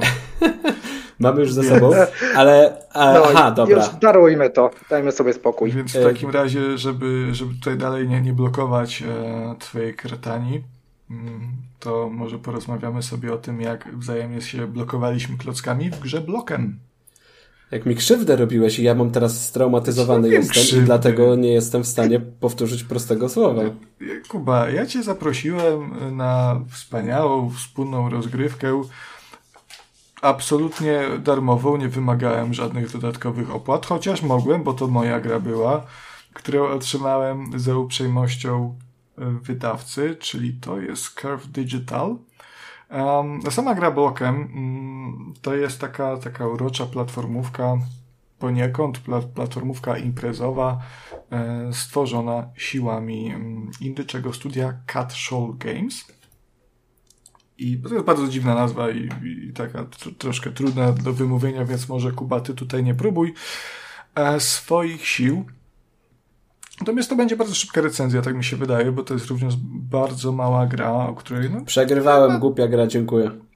głupia, bo przegrałeś, bardzo ci się podobało, mówiłeś jeszcze, jeszcze jedną, jeszcze nie, sobie pogramy, mi co? się, podobało. Fajnie było. Konrad. Jak y, na imprezową grę super, no. No właśnie ja też jestem zaskoczony, bo, bo gier imprezowych zbytnio nie lubię, a blokiem mi całkiem siadło. Mm, zwłaszcza jak, jak y, zagrałem sobie z Kubusiem, a nie z botami, o czym za chwilę. E, I to jest bardzo prosty, prosty zamysł na rozgrywkę. Mamy sobie... Oczywiście kot się uruchomił na mojej recenzji. Mamy sobie mm, kolorowe, Klasycznie. Klasycznie. Mamy sobie kolorowe ludziki, e, takie kwadratowe, z różnymi ryjcami śmiesznymi, które też możemy sobie wybrać. Mm, I te ludziki sobie biorą udział w takich, e, no nie wiem, no, turniejach, można to nazwać, zawodach, po pięć rund każde i w trakcie tych rund możemy otrzymać za zadanie coś innego. Tam jest kilka, kilka takich dyscyplin. E, Tą główną jest dotarcie do celu mm, przed wszystkimi innymi. E, Jest jeszcze ko- tak survival, czyli konieczność przetrwania jako ostatnim e, żywym kwadracikiem, klocuszkiem na planszy, mm, a także ostatnia, trzecia, którą odkryłem właśnie dzięki Kubie. Nie byłem w ogóle wcześniej e, świadomy, że taka istnieje, mimo że kilka. Ale potwierdziłeś to, że moje się, e, jakby moje hmm, przewidywania się potwierdziły, czy nie? Tak, chyba tak. E, czy, Chyba tak. Czyli trzecia. czyli trzecia konkurencja i jak mi się wydaje ostatnia, to jest konieczność zapełnienia e, planszy jak największą ilością e, swoich klocuszków. Ponieważ e, główną mechaniką w tej grze, czyli czymś, co wyróżnia tę grę ponad wszystkie gry imprezowe pozostałe, e, jest to, że w tej grze, teraz uwaga, będzie śmieszne, stawia się klocki. Em, I dzięki tym klockom Dziękuję. Kuba tutaj się niestety nie spisał. Kuba dalej myśli o, o trail, trailsach. Próbuję to przetworzyć. e, tak. I dzięki tym stawianym klocuszkom e, możemy się wspinać na przykład e, no, do wcześniej niedostępnych miejsc, tworzyć całe platformy na planszy, prawda? A czy też w ogóle też te klocuszki usuwać na przykład spod nóg naszych przeciwników, wsyłając ich albo do pieczory, do pieczary, albo do... To pieczory. pieczory. A z moich trialsów. Dreamon! Dreamon! Oni tam trafiają, jak wpadną do, tej pieczary, to tam jest taka wielka pieczora, taki grzyb jebitnie wielki po prostu. Czeka tam. Byle nie atomowy. Nie, nie, polny. E, także... Polny. Uff. Tak, także ca cała rozgrywka jest, jest bardzo prosta. No, stawiamy te klocuszki, przepychamy się z innymi ludźmi, bo, bo można tych ludzików e, przepychać, spychać do lawy. E, można. Mm, to jest taka też warstwa taktyczna, że można na przykład oszukiwać kubu, takich kubusiów smolaków, żeby tak podszedł, podszedł, chodź, zepchniesz mnie, ja tu jestem w takim niebezpiecznym miejscu, a cyk, usuwam ci klocuszka spod nóg, bo można też e, cudze klocki usuwać.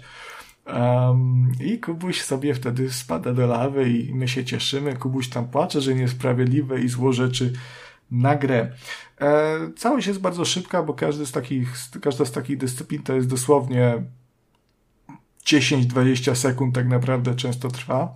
Nie wiem, A- graliśmy 20, może 30 minut wspólnie i ja zdążyłem przegrać jakieś 5 czy 6 takich tak, no, turniejów. To jest, to, jest, to jest bardzo szybko. Jedna, jeden cały turniej to jest minuta, minuta dwie. E, także tutaj jest właśnie bardzo łatwo taki syndrom jeszcze, jeszcze jednej tury, ten przysłowiowy, e, że, że chce... Odegrania no, się takiego, takiego, że tak, teraz tak. mi się uda, teraz wygram, no teraz to długo nie a- zajmuje, a, a, a może nie przegram tym razem. I jest bardzo fajnie. Naprawdę bawiłem się super, ta oprawa graficzna jest przeurocza. A muzyka też jest ok, chociaż to Jak tutaj tak patrzę po screenach, to rzeczywiście jest urocza. jest Te, chcę, te, te, te rysy takie aż tam chcę są, wytulić te stworki. Natomiast w ogóle fajnie się złożyło, że teraz sięgnąłem po, po, po tę grę do recenzji, bo okazuje się, że już 8 marca blokiem trafi ponownie do sprzedaży. E, I to zarówno na Steamie, jak i, tu, i tutaj nie, nie jestem pewien, czy to też będzie na mm, też, też 8 marca, czy później, ale blokiem trafi też na, e, na inne platformy. Między No, na innymi Xbox- Na Xboxy, Tak, na, na PlayStation. PlayStation 5 i na Switcha, gdzie pewnie będzie cięło. E, także, także wtedy- Nintendo Online. tak, także wtedy będziecie mogli sobie elegancko pograć ze znajomymi albo z randomami z internetu po sieci. Natomiast jeżeli na tę chwilę jakiś, jakiś złapiecie kluczy, no bo to może gdzieś na jakimś bazarku, nie wiem, mówców gier, czy, czy gdzieś jakiś macie stary i sobie to e, zredimujecie na Steamie, no to jest opcja e, rozgrywki w lokalnej e, kooperacji. Albo, tak jak ja grałem z Kubą, bo Kuba tej gry nie ma, e, poprzez funkcję... Koteł cicho. Kwiciak, dupa tam. E, e, albo tak jak myśmy grali z Kubą, e, przez Steamową funkcję Remote Play Together, co, co było w ogóle takim testem tego, jak to działa i sprawdzało się akurat przy tej produkcji bardzo, bardzo fajnie. Mm, Tylko tu wiadomo, trzeba mieć trochę, trochę lepsze łącze, żeby to u takiego Kuby, który No wiadomo. korzysta z naszych zdobyczy, prawda, to wyglądało jakkolwiek. No, także jeżeli jesteście zainteresowani, to wypatrujcie tego 8 marca i, i myślę, że, że to będzie bardzo fajna gierka. No.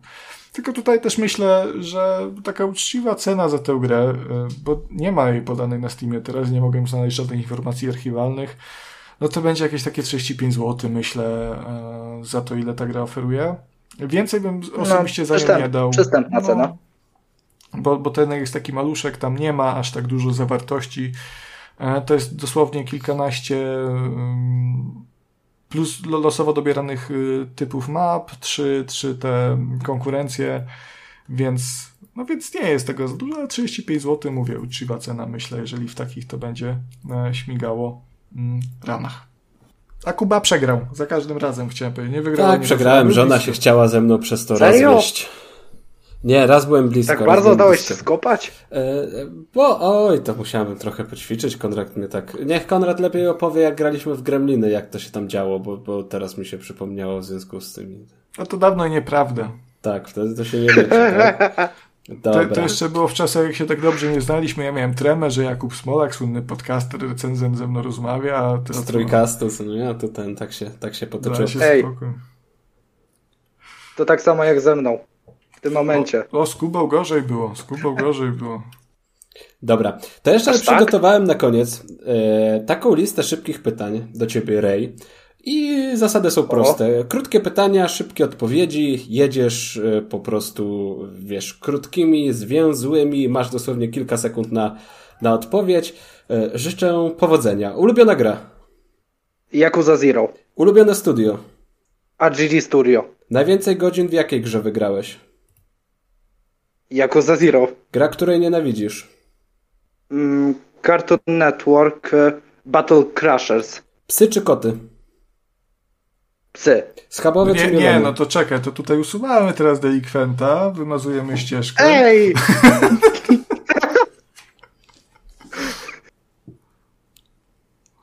Znaczy, u Kuby zaplusowałeś, bo jest Następne, psiarz, nie? Natomiast ja następne mam pytanie jest. Następne pytanie, gdzieś omi, om- ominięte chyba zostało. Szybko lecimy, to miała być szybka seria. Schabowy czy mielony? Schabowy. Wiedźmin czy Assassini? Wiedźmin. FIFA czy PES? Mm, FIFA. Metin czy Tibia? Metin. Gra, którą wziąłbyś na bezludną wyspę? No i usuwamy po raz drugi kolegę. Tibia Król. Nie, czemu? Metin Siepałej, co tam waltę swoje dzikie psy na, na przedmieściach i, i te kamienie o, z niedźwiedziami. Mówię to tylko dlatego, że w Metina grałem. I Dobra, dobra, lecimy. powodu. Szybka seria, szybkie odpowiedzi. Gra, którą wziąłbyś na bezludną wyspę. Minecraft.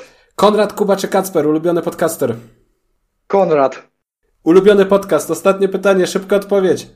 Trójkast. Jest! Mamy to, mamy to i w tym oto pozytywnym e, akcentem myślę, że możemy zakończyć 37 odcinek. Bardzo dziękuję Wam za uwagę, bardzo dziękuję za wszystkie recenzje i komentarze. E, przypomnijmy tylko, że gościem specjalnym dzisiejszego odcinka był Ray, który wygrał udział w tym epizodzie na mm, aukcji zorganizowanej na rzecz 31 finału Wielkiej Orkiestry Świątecznej Pomocy. Bardzo Ci dziękujemy, Ray, jeszcze raz. Mam Nie nadzieję, ma sprawy. mam nadzieję, że, że, że dobrze się bawiłeś i że nie było tak tutaj z nami źle. Tak, fajnie się bawiłem. Mimo ścinek z mojej strony.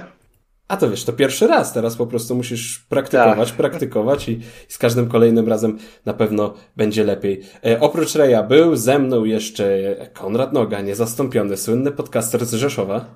Ja byłem, jest to prawda, dziękuję za uwagę i dziękuję również Rejowi po raz kolejny, że nas tu zaszczycił swoją obecnością i e, wsparł naszą ak- aukcję WOŚP. Dziękuję Ci, drogi Reju. Wodzi Reju, o! I ponownie mówię, nie ma sprawy. I byłem Wodzi też ja, Reju. czyli Jakub Smolak, maskromna osoba. Dziękujemy bardzo za uwagę. Życzymy udanego dnia, udanego tygodnia albo dobrej nocy. Dzięki za uwagę. Do usłyszenia. Hej! Pa! Na razie. A wy? Co sądzicie o grach i tematach poruszanych w odcinku? Koniecznie dajcie nam znać w komentarzach, na Twitterze lub poprzez adres e-mail. Wszystkie linki znajdziecie w opisie. Pozdrawiamy. Ara, ara, sayonara!